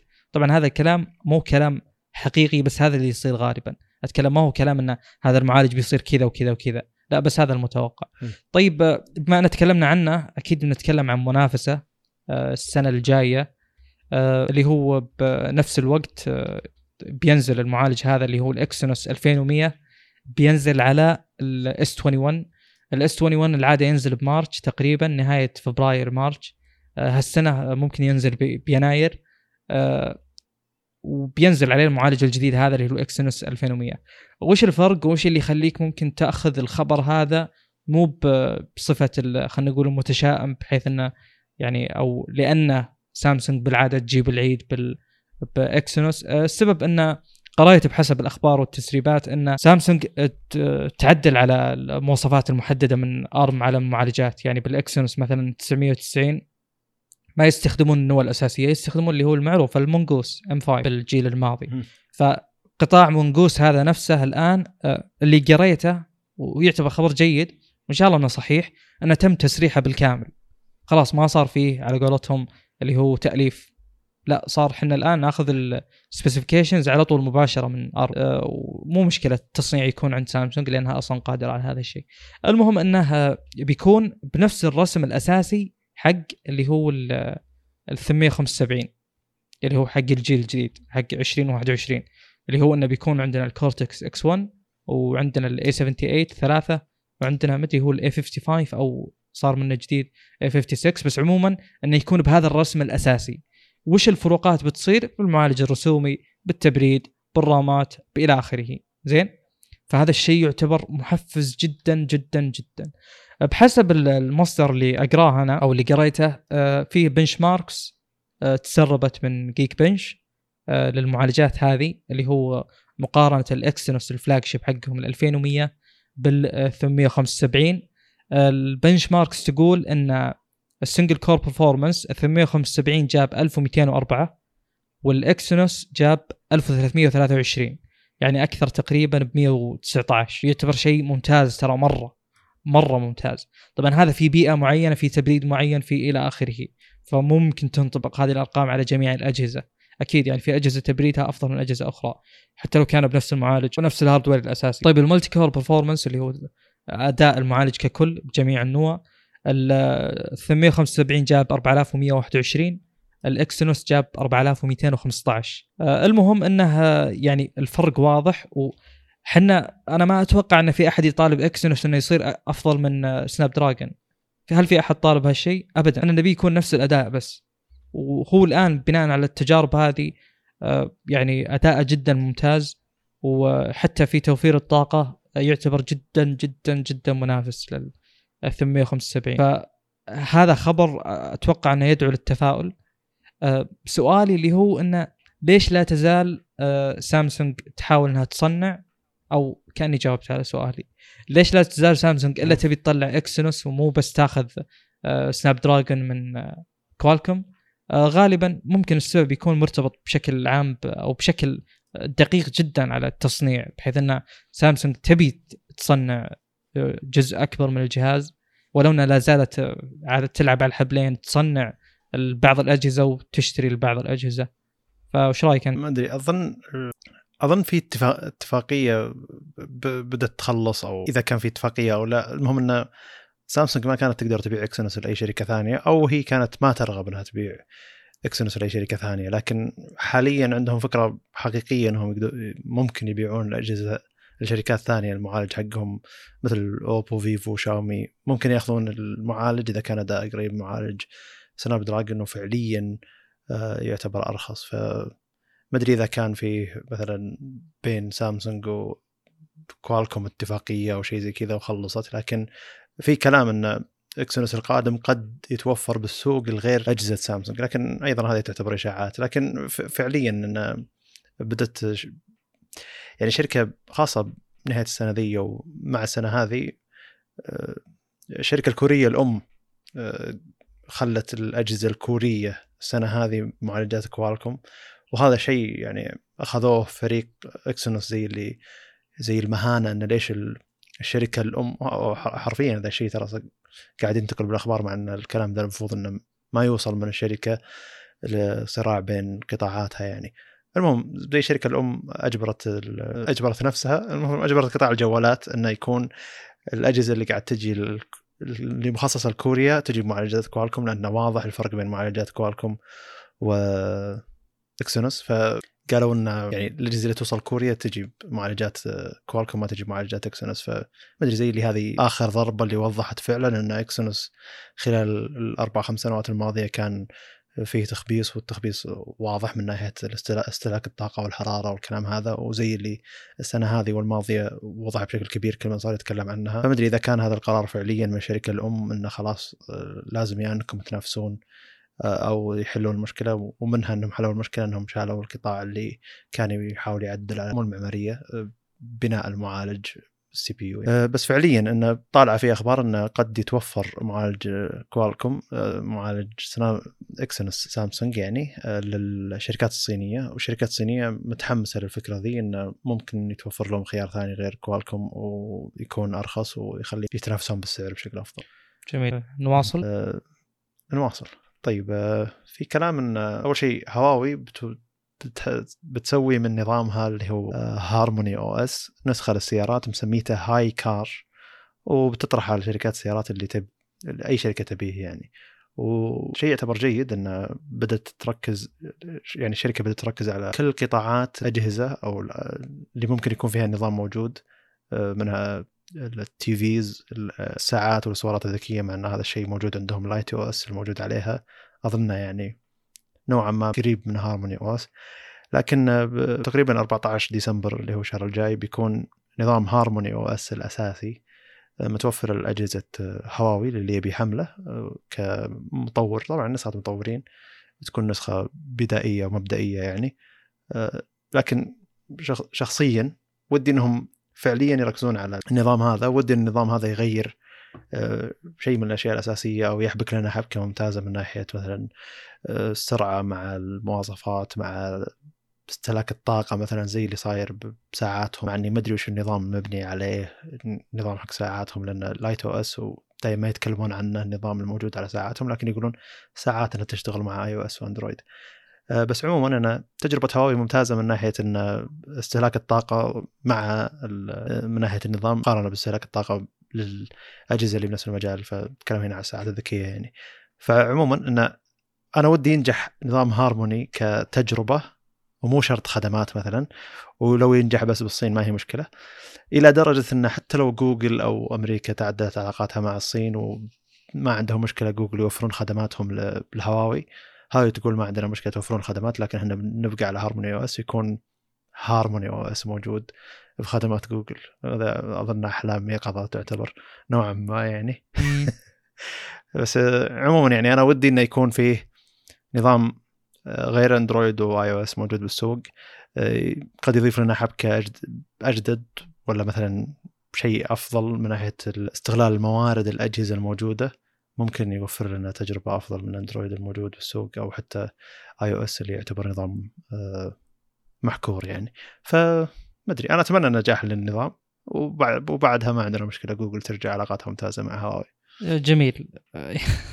تبي كل الحسنين أنت ما شاء الله. آه، شوف آه، أنا ما ودي ما في حل إن ما في حل لخدمات جوجل صاير للأسف يعني. أظن بيطول الحل هذا يعني. فودك أنت ينجح نظام ثم بعد فترة كذا تكتشف جوجل إنها فعلا مضيع عدد مشت... عدد الناس ولا أندرويد ما قاعد ينتشر بشكل ممتاز ولا اي, أي شيء يعني وترجع خدماتها. الهواوي. مع ما ما أتوقع إن هذا القرار من جوجل نفسها يعني. صح. شوف هو في في بعد من المعادله يعتبر البعد الأهم والأبرز طبعا اللي هو البعد السياسي. لكن ما يعني إحنا ما يعني المفروض إن ما نتكلم بهذه الأشياء أصلا. بس بناء على الأحداث الحالية ترى اللي تتكلم عنه مو مستبعد يعني. آه، في احتماليه اي ف يعني إحنا للأسف إن كل شيء مبني على هذه الأشياء آه، ف يعني الج- الجيد إنه ممكن ممكن ترجع الأمور آه، طبيعية. إحنا أرهق أرهقنا الموضوع من ناحية تقنية ترى سابقا يعني تكلمنا عن Harmony OS والنظام حقه والمايكرو مدري مم.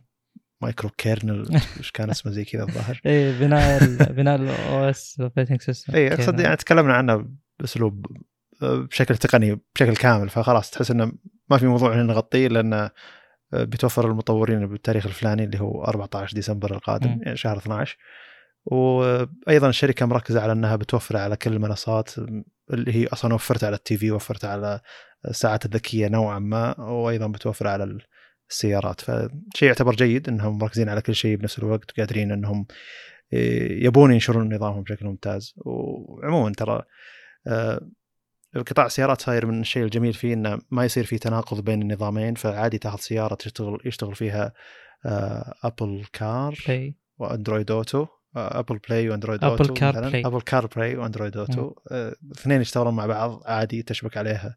جهاز أندرويد يشغل Android Auto تشبك عليه الحياد جهاز جميل،؟ آيفون يشغل اي آه، فما عندك مشكلة مثلا انك انت تقول يعني مو مو تروح تشتري سيارة تكتشف إنه ما فيها إلا Apple CarPlay ثم تروح تشتري آيفون علشان ج- إيه. ساعة سيارتك ما فيها النظام هذا وترى لها أهمية يعني أن السيارة أن النظام حقك يتوافق مع النظام الداخلي لسيارتك أن تقضي وقت طويل آه، في السيارة فعموما أنه حتى لو يجي النظام هذا على السيارات الباقية مثلا الكورية والصينية ويكون يش- تشتغل ثلاث أنظمة كاملة تقدر تشغلها على أي جهاز من الأجهزة الموجودة في السوق. مم. يعتبر شيء جيد. عموما آه، إحنا مع دخول أي منافس لأي سوق جديد يقدر يحركه شوي يعني. مع إن سوق الأنظمة صعب إنك تحركه لكن من الجيد إنه يكون في منافس جديد.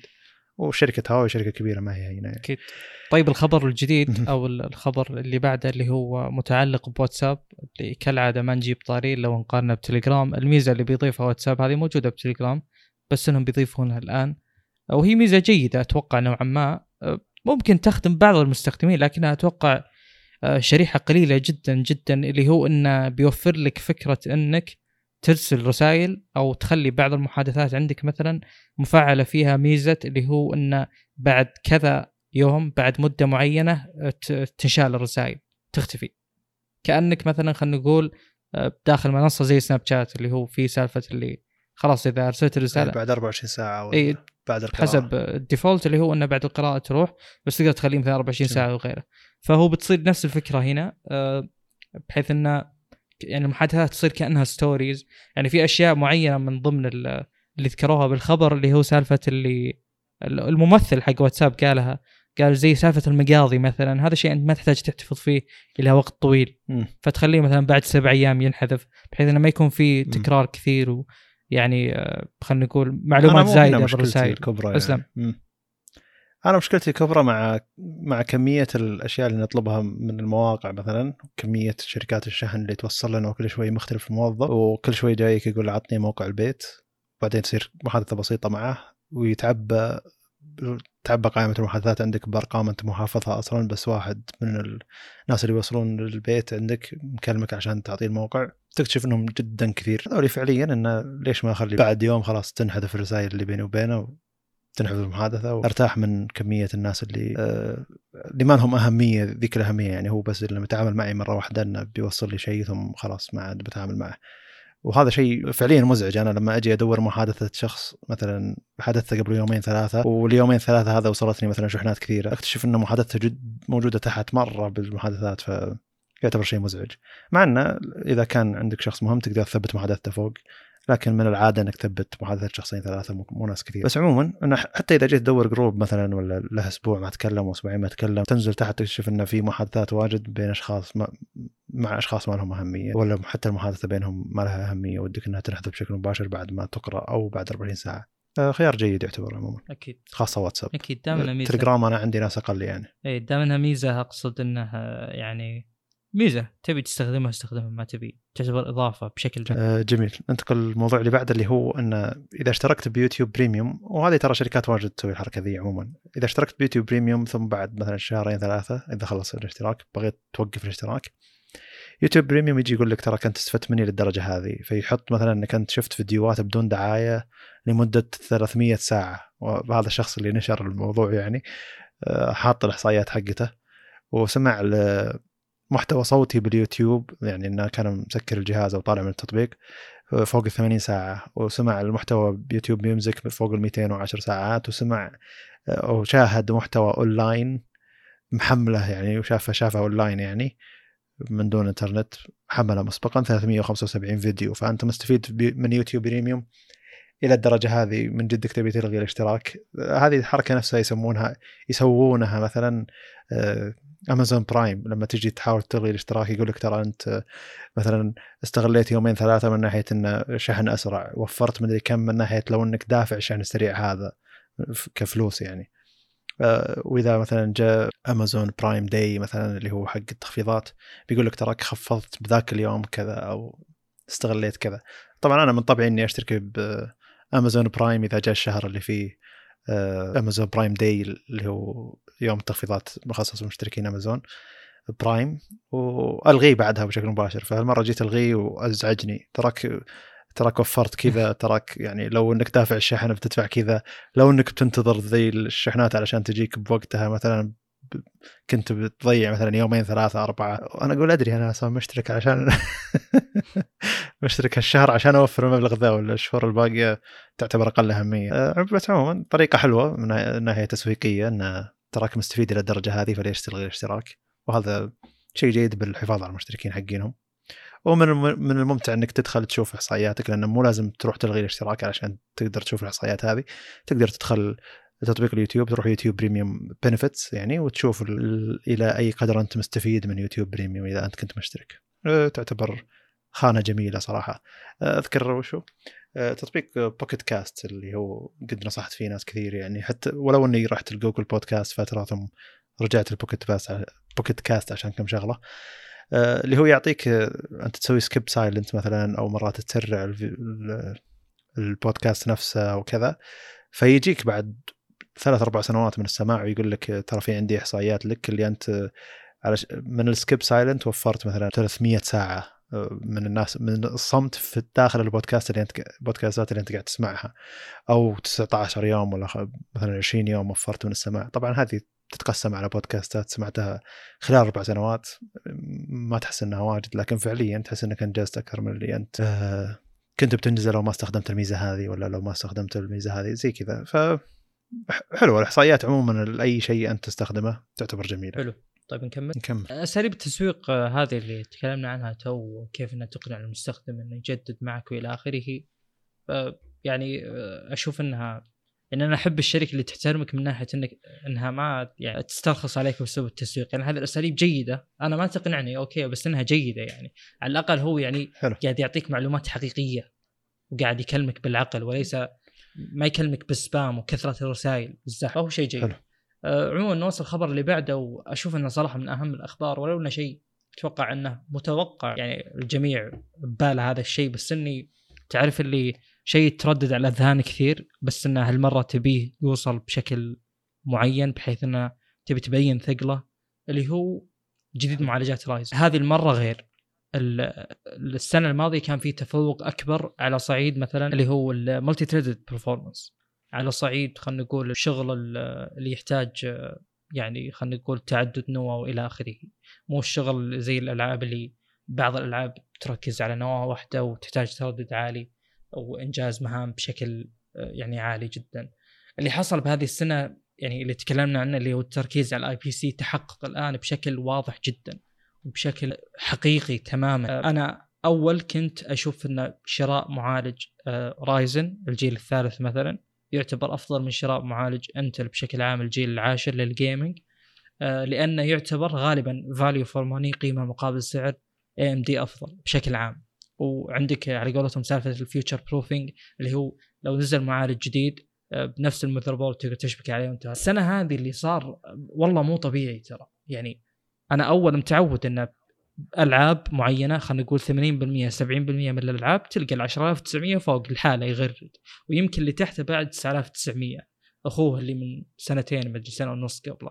زين؟ جميل. لكني ما تعودت إني أشوف الأول 5950X الثاني 5900X بعدين يجي ال 10900 هذا الشيء أنا ما قد شفته. في ألعاب حلو. كثير في تجارب كثير التفوق واضح جدا ل يعني ال Ryzen آه أنا ما أقول إنهم يعني ما أقول إن التفوق كامل بس إني أقول يكفي إن المعالجات هذه مثلا 5900 بحكم إنها ب 550 دولار ولا 10900 ب 500 دولار يعني تقريبا نفس الفئة يكفي إن ال 5900 الآن ينافس Intel at its own game يعني بلعبته بمجاله آه، اللي هو متميز فيه اللي هو single threaded performance والألعاب لأن آه يعني على قولتهم neck and neck يعني يتنافسون مرة trading blows مرة هذا يتفوق مرة هذا يتفوق فعليا. وليس ان يعني هم تقريبا لو تأخذ ال average حقهم ممكن تلقى تطور أو تفوق frame ولا فريمين لل 5900X على آه يعني لا تزال في ألعاب يتفوق فيها ال 10900 لكن بشكل عام اللي حصل بتطوير ال IPC شيء مرة ممتاز بهذا الجيل. شيء ممتاز جدا جدا جدا. يعني بشكل فوق الوصف يا جماعة. الآن صار. يعني شرائك واقتنائك المعالج Ryzen يعتبر مسألة محسومة تماما. شيء لا يعني ما أقول لك إذا تبي بس ألعاب خذ Intel لا انتهى هذا الموضوع ما عاد هو موجود.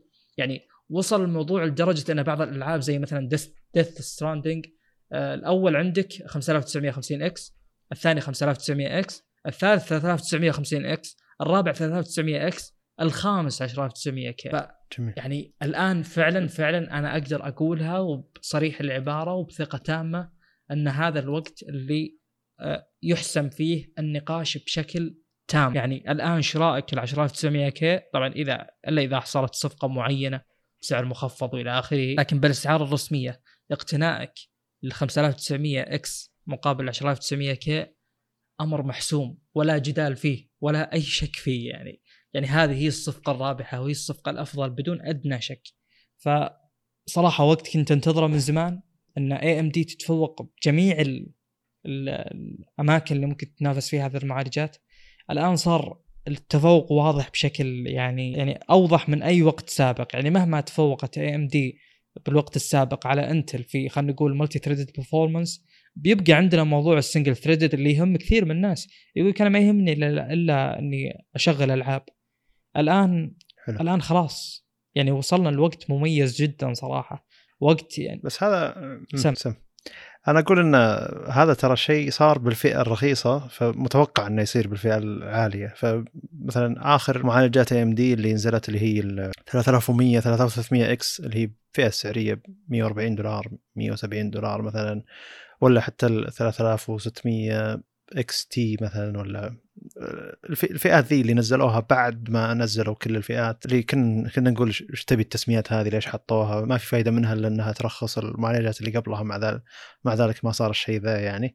بس المقصد إنه يوم نزلت ذيك المعالجات هي فعلا كان بس إنه قاعد يزودون أداء ال single thread single core أقصد performance فأقصد إنه هذا شيء صار بالفئة الصغيرة وفعلا الفئة الصغيرة يوم كنت تروح تشوف هذه أسعار اللي من 100 إلى 200 دولار كنت تشوف تفوق المعالجات AMD الرخيصة الجديدة اللي هي 3300X 3100 3600XT 3700XT الظاهر كان فيه أو 800XT. إي أقصد انه هذه ترى بس اللي تقريبا ال hardware نفسه بس إنهم زودوا أداء ال cores نفسها. أه، فصار أداء ادائها بالألعاب اللي هي تركز على ال single core أفضل. فشخصيا أنا متوقع انه يلا. ننتظر الفئة العليا بس إنها تصفق ب single core وخلاص بتصير AMD المسيطرة بكل المجالين ال multi cores وال single core performance عموما يعني ف أنا ما يقهرني في المجال هذا إلا اللي يجي إنه عنده فكرة إن Intel ما زالت تشتغل أفضل مع Windows الفكرة الخاطئة اللي ناقشناها كثير. فالحين ما عندنا مشكلة مع أي شخص ممكن نقول إنه AMD أفضل من كل النواحي. ومقتنع بالشيء ذا. لكن الحين المشكلة الكبرى مع الشخص اللي مقتنع إن Intel وعلاقتها مع Windows من فترة طويلة مايكروسوفت بيخليها تشتغل بشكل أفضل. ف الصراع الوحيد مع الأشخاص هذول. بين بينما الأشخاص اللي يؤمنون بسالفة إن آه، المعالجات هذه مجرد أداء والأداء يوضح بشكل مباشر لأنه كمبيوتر فعليا يعني ما في ما في software نفسه يعني.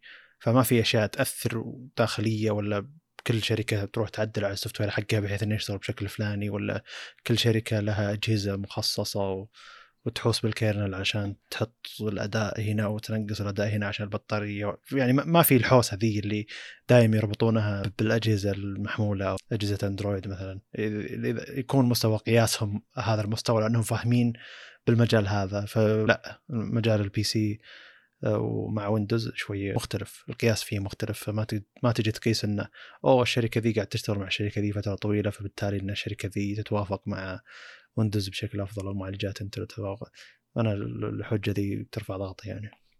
شوي اللي تحفظ على الكلام شوي من ناحية إنه في بعض خلينا نقول يعني ك drivers وكذا في بعض البرامج يعني ك scalability وهذا الشيء تكلمنا عنه. يعني اللي يضر واحد من المعالجات المفروض يضر الاثنين آه، لأنه ينطبق عليهم حلو. كلهم بس إنه آه، ممكن يعني معالج إنتل تلقى له الحل يعني. آه، لا معالج يتقلل تأثيره عليه. يعني لو قلت لك مثلا عندي معالجين واحد 8 نواة واحد 12 نواة.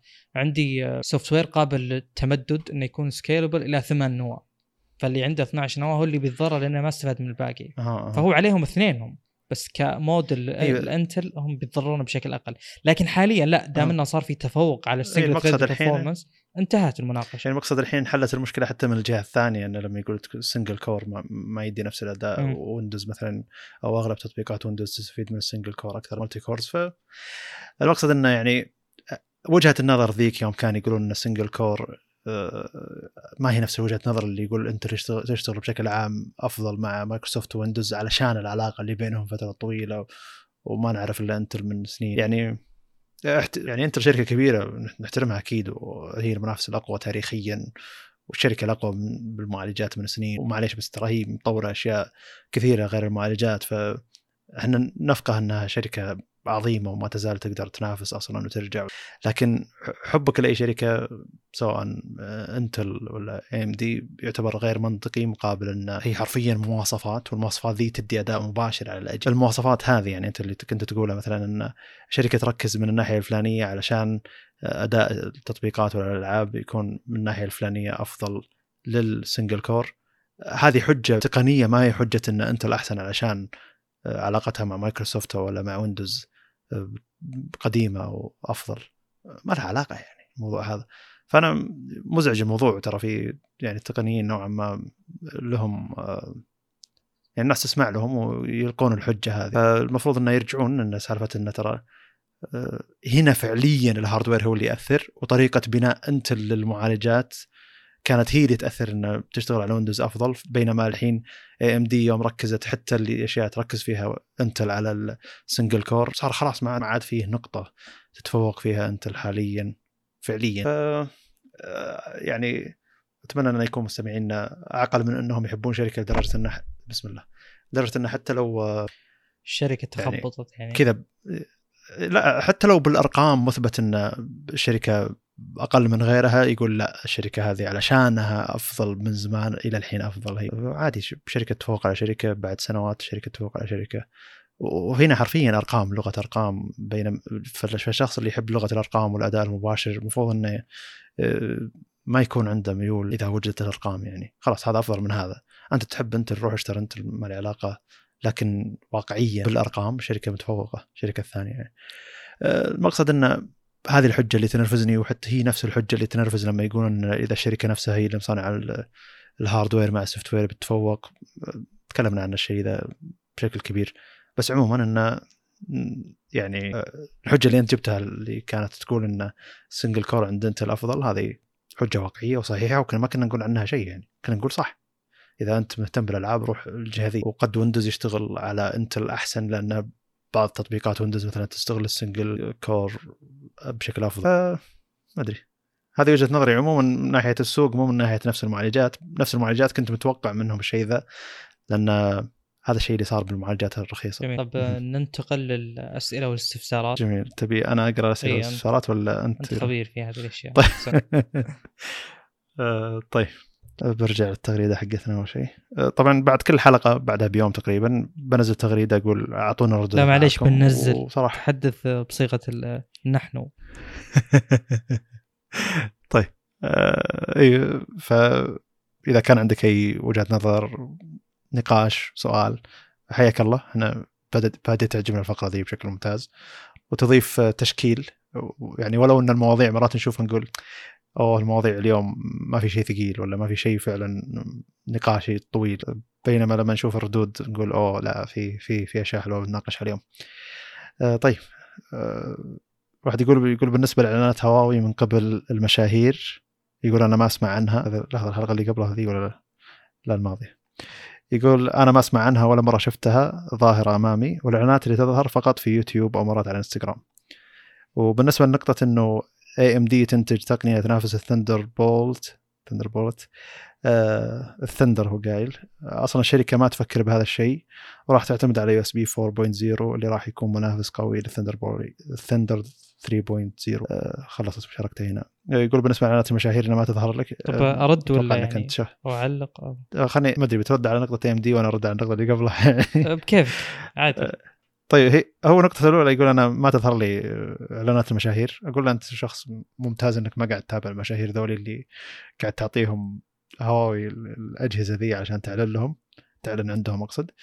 ويقول الإعلانات تظهر على يوتيوب وإنستغرام اللي هو بشكل مباشر أن الخمس ثواني هذه أو الإعلانات بين المنشورات في إنستغرام. هذه إعلانات طبيعية فقلنا إحنا أن هواوي تستخدم جميع الأساليب كانت علشان تسوق. طيب بالنسبة لي يقول إن AMD تنتج تقنية منافسة Thunderbolt وبتعتمد على USB 4.0 علشان ينافس Thunderbolt 3.0 اي فيها يعني في شيء أنا دائما يعني يصير لي اللي هو فكرة إن أنت الحين أنت الآن أحيانا تقول وتتكلم عن مواضيع معينة وكان عندك اعتبارات إن المستمع يعرف هذا الشيء. فاتوقع إني أغفلت نقطة ذكر بي اس PCIe 4.0 قبل.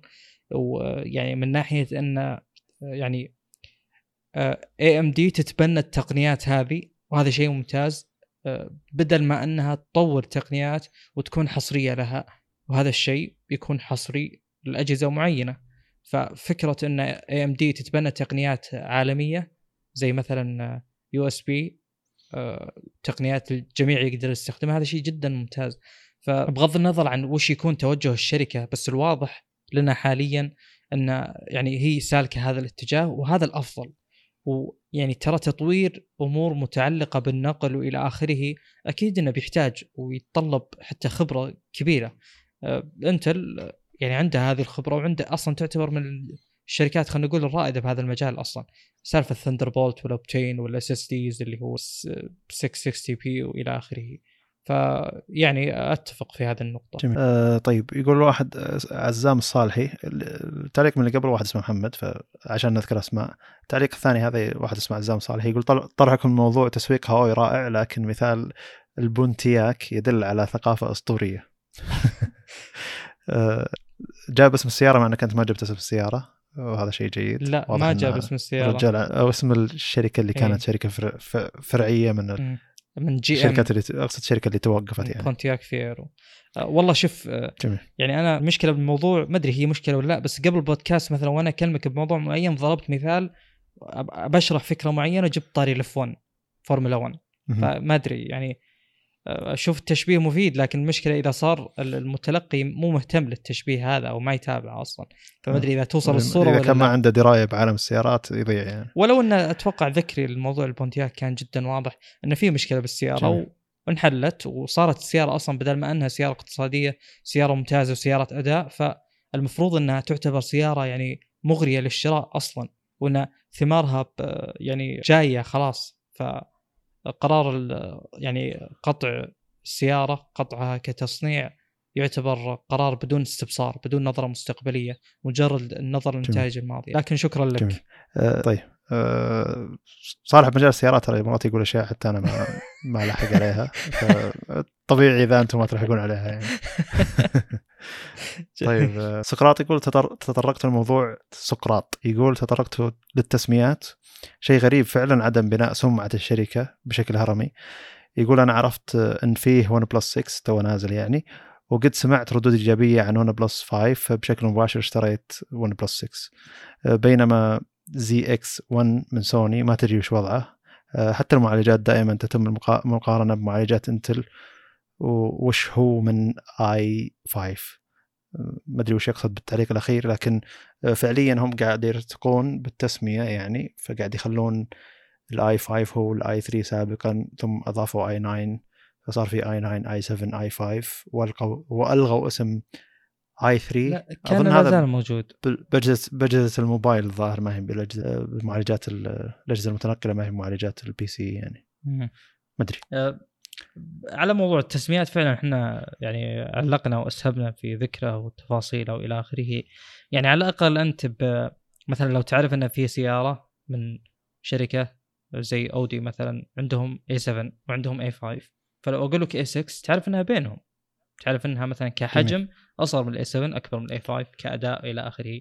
ولو إنه في يعني أشياء كثيرة مشتركة بينهم بس على الأقل يعني فعلا البناء هذا يوضح إن هذا الشيء وين.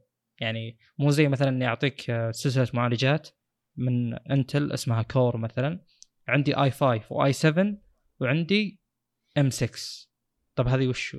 هذه ما هي زيهم اي وبنفس الوقت برقم أنا ما أعرفه. ولا أول كان عندهم بعد Xeon ولا Xeon معروف إنه workstation. وعندهم Celeron. ومدري وش هذيك على الأقل فيها وضوح نوعا ما يعني أتكلم الفئة هذه تقدر تعرف تصنيفاتها وش الأعلى وش الأقل بس إنه زي اللي حصل عند مثلا سوني سالفة إنه ينزل لي Xperia 5 بعدين اكسبيريا 1 بعدين 1 مارك 2 هذه الأشياء مرة 5 مارك 2 يا والله ما أدري وش شفت؟ يعني هذا دليل على إن التسميات فيها مشكلة. إني أصلا ما أذكر وش هي رغم إني شفت مراجعات الجهاز وتابعته وأعرف مواصفاته وإلى آخره. مشكلة كبيرة. يعني عارف إن عندهم جهاز شاشة 4K مقطوعة اللي هي 3840 ب 1600 آه، يعني تعتبر كطول 4K بس كعرض لا.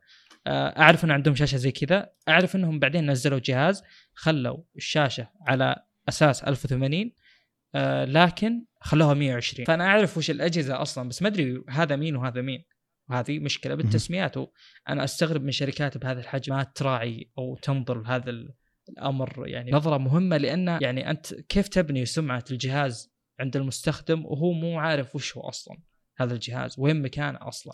هل يعتبر flagship يعني. زي ال S20 FE ما تدري وش هو تدري إنه أوكي S20 بس من متى إحنا نعرف شيء اسمه Fans Edition أو Fan Edition أو نفس الكلام على ال Note 10 Lite وعندنا S10 Lite ليش ال Note 10 Lite مو بمعالج ال flag هذا شيء يعني السؤال اللي مستحيل تلقى له إجابة. آه، أظن بعد كان في مشكلة بالتسميات. أول ما طلع في Xbox بعدين Xbox 360 وبعدين Xbox One بعدين الحين لخمني. إيه. بعدين One X الظاهر وفي One S فهمت؟ إيه. يعني لخمة على كيف بعدين الحين Xbox Series وبعدين يعني شفت اللي ما ما في ما في اتجاه؟ أنا ما أقدر أتوقع وش. اسم الجهاز القادم. إحنا الآن تكلمنا على Snapdragon وعرفنا إن الجيل الجاي 875 by default من يوم جانا ال 865 أو من حتى من 835 ولا قبله. بينما ال Exynos لا عندنا Exynos 990 الجاي Exynos 2100 كيف؟ شلون؟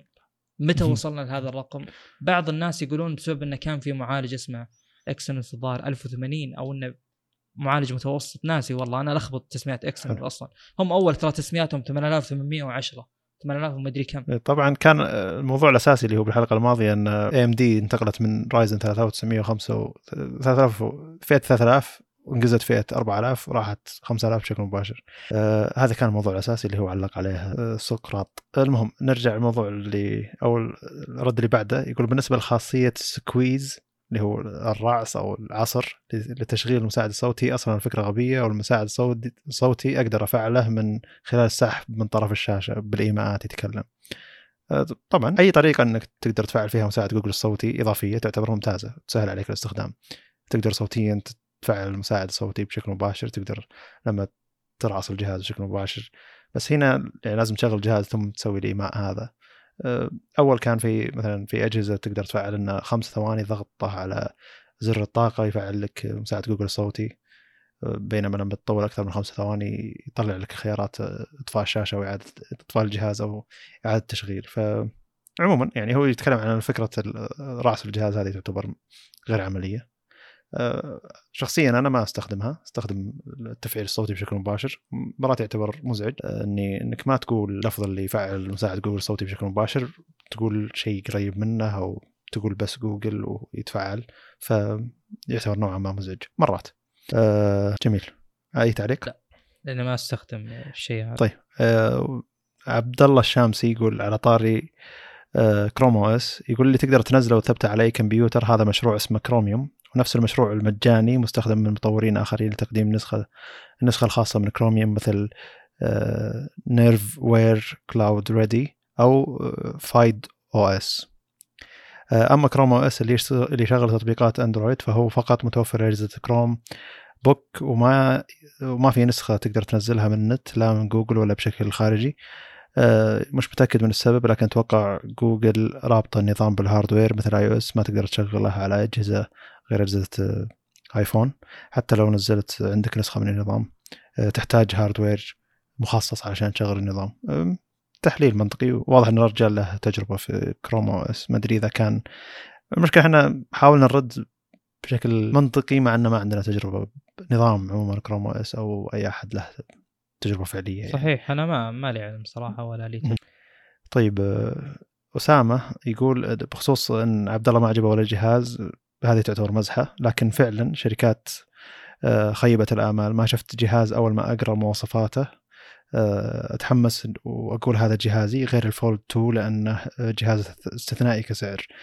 لكن البقية تحس ما إنك ما تقدر تتحمس. الوحيد اللي ودي أجر أجربه كتجربة هو جوجل 4A 5G بس لأني أحب جوجل. ورايكم بالجهاز 4A 5G الله يسعدكم. ورأيكم معالج Snapdragon 875 تكلمنا عنه بالحلقة فأتوقع أن ردينا على السؤال الثاني. السؤال الأول إنك ما تتحمس لأي جهاز؟ والجهاز الوحيد اللي ودي يجربه هو 4A 5G أنا أشوف إن 4A 5G هو الجهاز الأكثر منطقية من جوجل إنك تقتنيه تقريبا ب 499 دولار. آه بينما بيكسل 5 أحس إنه مخصص للناس اللي يحبون أجهزة صغيرة. طبعا إحنا كلها نتكلم عن الناس اللي يحبون جوجل ويبون يشترون جهاز جوجل بيكسل بينما أي أحد هو طبعا بررها قال إني أحب جوجل فما عندي مشكلة أناقش معه أي أي جهاز من أجهزة جوجل بيكسل ياخذها وأشوف فعلا الأكثر منطقيه إنك تاخذ ال 4a 5G جهاز أكبر حجم بطارية أكبر من ال 4a العادي آه، عندك العدسة الواسعة الكاميرا الواسعة آه، عندك خيارات الكاميرات يعني ما عندك شحن لاسلكي ما عندك refresh أعلى. آه، أسامة نفسه سأل سؤال الحلقة الماضية طرحناه بس زي اللي سحبنا عليه. زي اللي أخذنا الموضوع الأول وما قدرنا نجاوب الموضوع الثاني. هو كان سؤال إنه يقول ليش ما عجبكم الجهاز إلا ال K30 Ultra وكذا؟ سؤاله الثاني الحلقة الماضية اللي ما قدرنا نجاوبه اللي هو وش الأساسيات اللي تبيها بأي جوال آه، راح تشتريه بالمستقبل؟ فأعطني أساسيات الجوال اللي لو ت... لو تكون ما هي موجودة ما راح تشتري الجهاز. أنا تسألني الآن. اي لأني أنا شخصيا OnePlus 17 مكفيني يمكن يقعد معي زيادة بعد. طيب بعلق على نقطة اللي هو ال 4a. آه ما أدري. لا ترى ال 5G غير عن ال 4a العادي بشكل كبير يعني. أي. حجم شاشة أكبر بطارية أكبر آه كاميرا زيادة إضافية ultra wide في الخلف.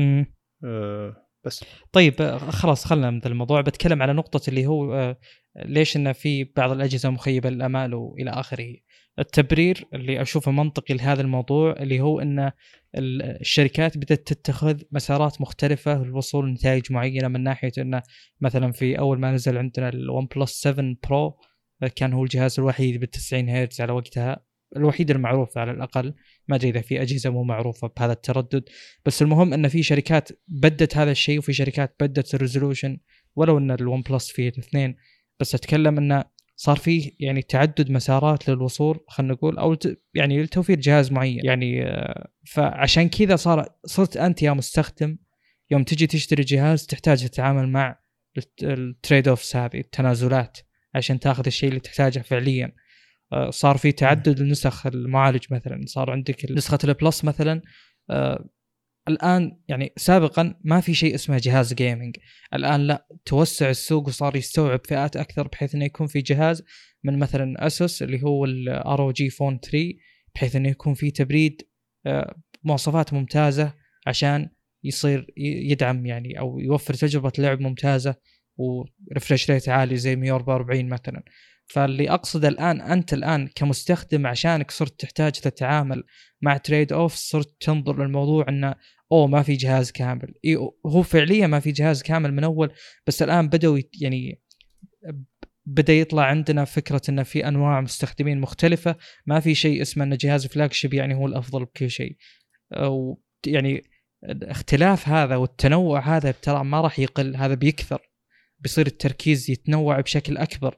زي ما إنك يوم تجي تشتري لابتوب. مثلا هل بتفضل شيء يعني تفضل النحافة على خلينا نقول آه، الأداء والتبريد أو الهدوء يعني مقابل أشياء أخرى جودة التصنيع إلى آخره. فهو نفس الشيء الآن قاعد يتوفر وقاعد يصير بالجوالات بحيث يعني بحكم أنها بحكم أن السوق صار يستوعب فكرة إنك تشتغل على جوالك إنك تسوي مهام كثيرة عليه وتعتمد عليه بشكل شبه كامل. فعشان كذا صار عندنا هذا التنوع وصارت الأجهزة فيها يعني تفاوت كبير وكل شركة يعني بفئة معينة تبدي مواصفات على مواصفات أخرى. أنا صار لي نقاش مع واحد من الشباب اللي ما له ما له بشكل واسع بالتقنية لكن من الأشخاص اللي يكرفون أجهزتهم بشكل فعلي فعنده ميت 20 برو. فهو قاعد يقول لي طبعا هو ذاك الوقت الظاهر شرى الجهاز ب 3000 أو أقل من 3000 ريال يعني. أه، فلما جاء الحين قال أه، وش أفضل جهاز موجود بالسوق؟ كم أقدر أدفع عشان آخذ؟ فقلت له يعني ب 4000 إلى 5000 ريال تاخذ أفضل جهاز بالسوق يعني. سواء Note 20 Ultra S20 Ultra شيء من أجهزة شاومي مثلا. أه. فقال لي ليش صاير يعني؟ أول كنا متعودين على 3000 ريال 3500 إذا أنت أخذت السعه أعلى سعه موجوده بالسوق. ليش ما يضيفون مزايا بسيطة ويرفعون السعر بشكل بسيط؟ طبعا تبريري طبعا ما أقدر أبرر السعر السعر صراحة الأسعار جدا عالية جدا جدا عالية لدرجة إنه ما نبي ما نبي نبرر لهم الأسعار. لكن المنافسة جدا قوية لدرجة إنه قاعد يرفعون المنافسة لدرجة إنه ما يقدر ينافس إلا بسعر عالي. أه، فمثلا نتكلم عن ال S20 Ultra موجود بالسوق أو فرق ال S20 Ultra عن S10 Plus مثلا. فالفرق جدا كبير فرق السعر كبير فعليا. فهو قاعد يقول إنه ليش ما شركات ما تتحمس للدرجة هذه؟ وتعطينا بس يعني تطور بسيط ونفس السعر أو زيادة بالسعر بشكل بسيط. قلت له بشكل ممتاز الحين تقدر تاخذ S20 FE ب 2400 ريال. 1000 هو تقريبا يعني 2600 ريال نقول الحين يعني السعر الرسمي من دون لا تدور يمين يسار وترى تعتبر تقريبا ماخذ S10 Plus وضايفين عليه آه، 120 هرتز وشوية مواصفات بسيطة يعني معالج افضل كذا. بس المقصد إنه يعني ما زالت الفئة اللي كان هو يبيها موجودة إلى الحين. ولكن الفئات اللي شركات تتفشخر فيها بزيادة مثل اجهزه ال Fold مثلا ال Flip حق سامسونج ولا S20 Ultra مثلا. آه، هذه أجهزة فشخرة من الشركة أكثر من أنها فعليا قاعد تبيع منها كميات. والأشخاص اللي كانوا يشترون الأجهزة ال flagship قبل سنتين ثلاثة علشانها أفضل أجهزة ب 3000 ريال ما زالت ميزانياتهم 3000 ريال وما زالوا يقدرون يأخذون أجهزة قريبة جدا من الفلاج شيب وقريبة جدا من الأداء اللي هم يبونه نفس الفكرة قبل سنتين ثلاثة. هذا الشيء ما يبرر السعر لكن الأجهزة اللي قيمتها 2500 3000 ريال تعتبر ممتازة حتى ممتازة على الأجهزة اللي حقت السنوات الماضية موجودة وتقدر تدفع المبلغ هذا عشان تحصل جهاز محترم. فهنا المقصد إنه آه، قاعد ترتفع الأسعار الأجهزة علشان ما نلقى فيها عيوب لأن نلقى فيها عيوب والواقع إننا بس إحنا ندور ال- الأجهزة اللي نقدر نتعايش مع العيوب حقتها يعني بس. هذا الشيء مثل ما قلت أنا يعني عشانه صار واضح أنت صرت تشوفه. بنجاوب على سؤال اللي هو وش وش الجهاز اللي أو وش المواصفات الدنيا الجهاز ممكن تشتريه في الوقت الحالي. أه، حلو. أتوقع في أشياء واضحة جدا زي مثلا كأقل تقدير 90 هرتز. بالنسبة لي أنا ما مستحيل أشتري جهاز فيه نتو لو في حفرة بنش هول عادي. أه، يعني ممكن أمشي لذا الموضوع. بس كنتو لا. بالنسبة لي ابدا غير مقبول. أه، الشاشة عادي تكون based مبنيه على 1080 مو مشكلة. طبعا تكون. OLED أكيد شراء جهاز IPS في الوقت الحالي صعب صعب جدا يعني جدا صعب مهما كان تردد مهما كانت مواصفات الشاشة اللي فيه. أه، بالنسبة للكاميرات توفر الكاميرات الأساسية اللي هو wide ultra wide و telephoto. أه، أشوف إنه أمر أساسي في الوقت الحالي. أه، أقل معالج ممكن تشتريه حاليا اللي هو ال Dimensity 1000 آه، واللي أعلى منه طبعا 865 آه، يعني هذه المواصفات اللي قدرت أتذكرها. ال 5G صراحة ما أدري. يعني نوعا ما لي تحفظ على انه لازم تاخذ 5G الحين. أنا مثلا على آه، يعني أنا كشخص متأكد إني في نفس الوقت بعد سنة من شراء الجهاز في الوقت الحالي بشتري جهاز ثاني فماني حريص مرة على. ولا من كثر طلعاتي أصلا يعني عشان أستخدم هذا الشيء. فبالنسبة لي موضوع ال 5G مو جدا مهم. الشيء اللي صراحة مفروض إنه يعني يكون حساس بس ما ندري شلون نقيسه أصلا. ما ما أقدر أقول لك هذا يلا متفق عليه وهذا لا. اللي هو أحتاج post processing ال software الكاميرا يكون جدا ممتاز. بجودة سامسونج بجودة بيكسل مع إني ما جربت بيكسل بس إنه السمعة ممتازة ذوقيات ذي نوعا ما يعني. لا ما هي ذوقيات. انه ال post processing يعطيني جودة ممتازة وإن وقت التقاط آه، الصورة يكون خلينا نقول ال exposure موزون. آه، أشوف إنها ما هي ذوقيات. ذوقيات موضوع حلو ال exposure موزون ممتاز بس دائما الناس الذوقيات تتكلموا على الألوان يعني بس. طيب آه، مثلا أنا عندي الآن ك noise reduction بال K20 Pro أو ب software شاومي الكاميرات يعتبر جدا ضعيف جدا يعني جدا جدا. ف آه، يعني هذا الشيء مثلا ما تلقاه عند سامسونج. أنا سامسونج ما أذكر إني شفت noise عندهم أصلا. يحاول يرقع بالألوان يحاول يسوي كل شيء بس إنه ما يعطيك noise موضوع إن ألوان آه، كاميرات سامسونج على قولتهم vibrant مشبعة كذا ناصعة آه هذا الشيء أوكي ممكن يكون جدلي ممكن في ناس يعجبهم ناس ما يعجبهم لكن بالأخير أنت بكل الأحوال تقدر تتخلص من هذا الشيء لأنه يعتبر شيء إضافي. تقدر تقلل ال saturation عادي يعني. يعني جميل. يعني أتكلم انه الشيء الموجود بالصورة قابل للإزالة. ما هو شيء محروق زي ال exposure. إي والمنطقية بالصور اللي أحجامها صغيرة هذه إنه يكون اللون فيها مشبع بشكل أكثر بحيث إنك ترجعه لوضعه الأساسي اللي أنت تحبه. منطقي أكثر من إنه يكون أصلا الصورة ما فيها ألوان أو ألوانها أساسية نوعا ما وأنت تبيها شوي أكثر سطوع مثلا. ما أدري إذا كنا أكثر تشبع.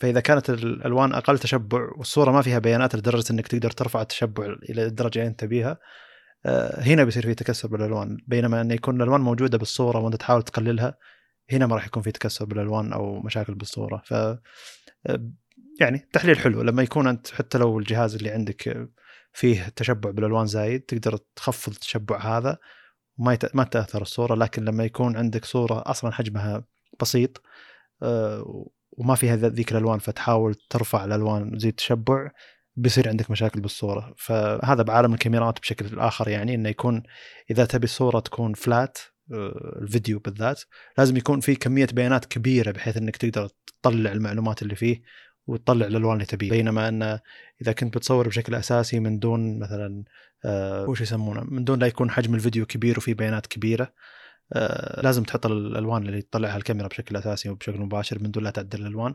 وبكذا بتعطيك آه، الألوان حقت الكاميرا اللي هي مقترحة من الشركة نفسها. وذاك الوقت يكون في اللي أو كانون وسوني الفرق بين ألوانهم وكذا. إذا كان ما في ذيك كمية البيانات اللي أنت تقدر تروح تجيبها بعدين عشان تعدل الألوان اللي تبيها آه، فيكون إذا كان في تشبع زايد ما هي مشكلة أنت تقدر ترجع التشبع بشكل ممتاز. فهنا التحليل يعني. بينما أن عموما يعني أن أغلب الأجهزة الحين تصور RAW اللي هو DNG وأيضا الايفون ال Max يصور أو ال Pro Pro Max مدري إذا أظن فئه ال Pro تصور آه إيه تصور RAW فتجي في بصيغه DNG فممكن يكون فيها بيانات أكبر بحيث إنك تزيد التشبع أو تنقص التشبع بين بأجهزة أندرويد يكون إذا إذا كنت تصور دي ان جي آه. بس منطقية يعني. وعموما ترى آه، مسألة الالوان ذوقية لكن مسألة تعريض الصورة من ناحية موازنة الضوء والأماكن الغامقه بالصورة هذه ما تعتبر ذوقية هذه تعتبر قابلة للقياس يعني. جميل.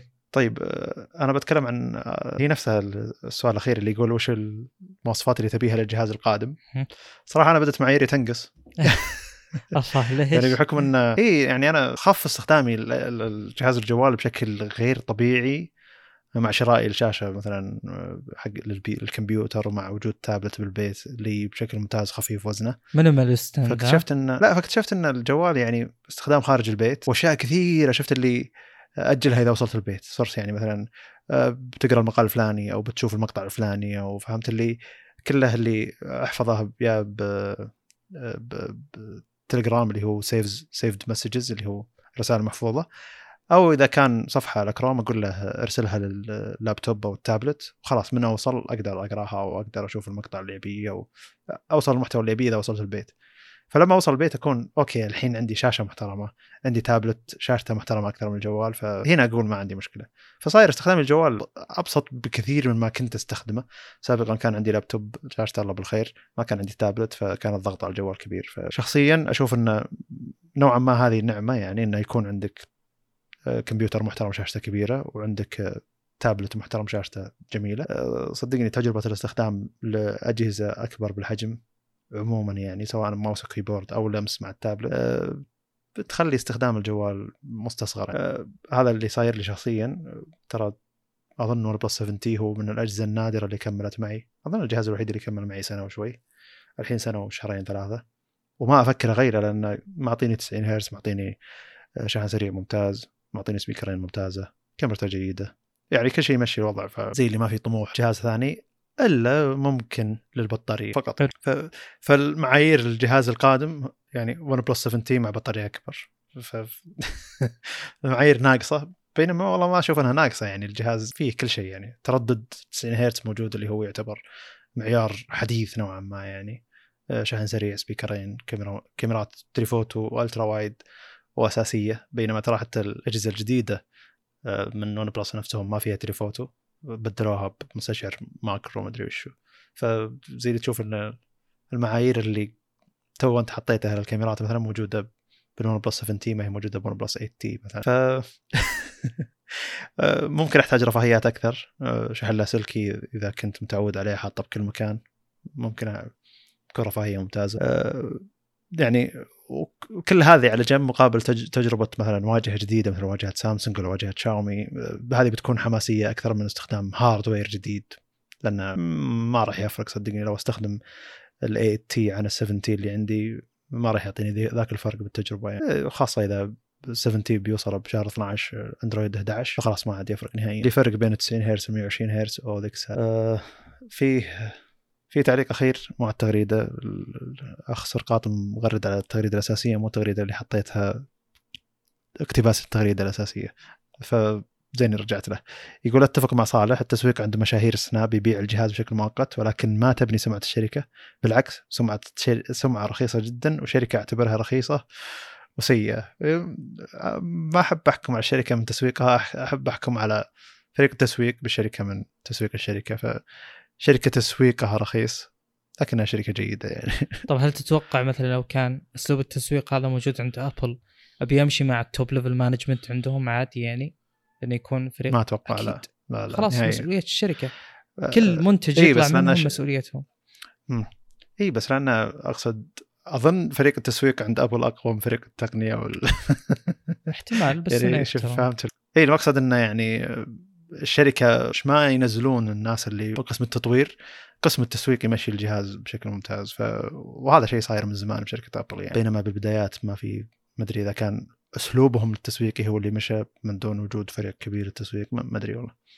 لأن في البدايات كان ستيف جوبز الحالة أسلوبه على المسرح يسوق للجهاز بشكل قوي يعني. صح. آه هنا نعتبر انتهينا. شكرا لكم على التفاعل والله شيء يثلج الصدر بالنسبة لي. أنا استمتع لما أقرأ الردود اللي تجي. وصايرة فقرة ممتعة كذا بنهاية البودكاست ان نكون آه، نقرأ ردودكم تعليقاتكم. فإذا كان عندك أي رد تعليق سؤال آه، تفاعل أي شيء آه، بدينا نحس بان في جمهور سابقا شوي إن الجمهور بس يجون على الخاص يعني م. ويستفسرون بأشياء مخصصة. ونصير نعرف توجهاتهم ونعرف وش المواضيع اللي تا... يعني المفروض تأخذ حيز أكبر بودكاست أيضا هذا شيء جميل نعم. أنك تشوف اهتمامات الجمهور وشو أيضا فيوضح لك أنت وش اللي هم يبونه فعليا على ما يبونه مع إنه يعني ما راح يتغير ذاك الأسلوب إذا كان. أقصد ما ما أحب لما الجمهور يطلب شيء والمحتوى يتغير عشان الجمهور طلب الشيء هذا. أحب إن المحتوى يبقى زي ما هو وأتوقع إن جمهورنا عاجبه. المحتوى اللي إحنا نقدمه إن شاء الله. أه شكرا لكم. السلام عليكم.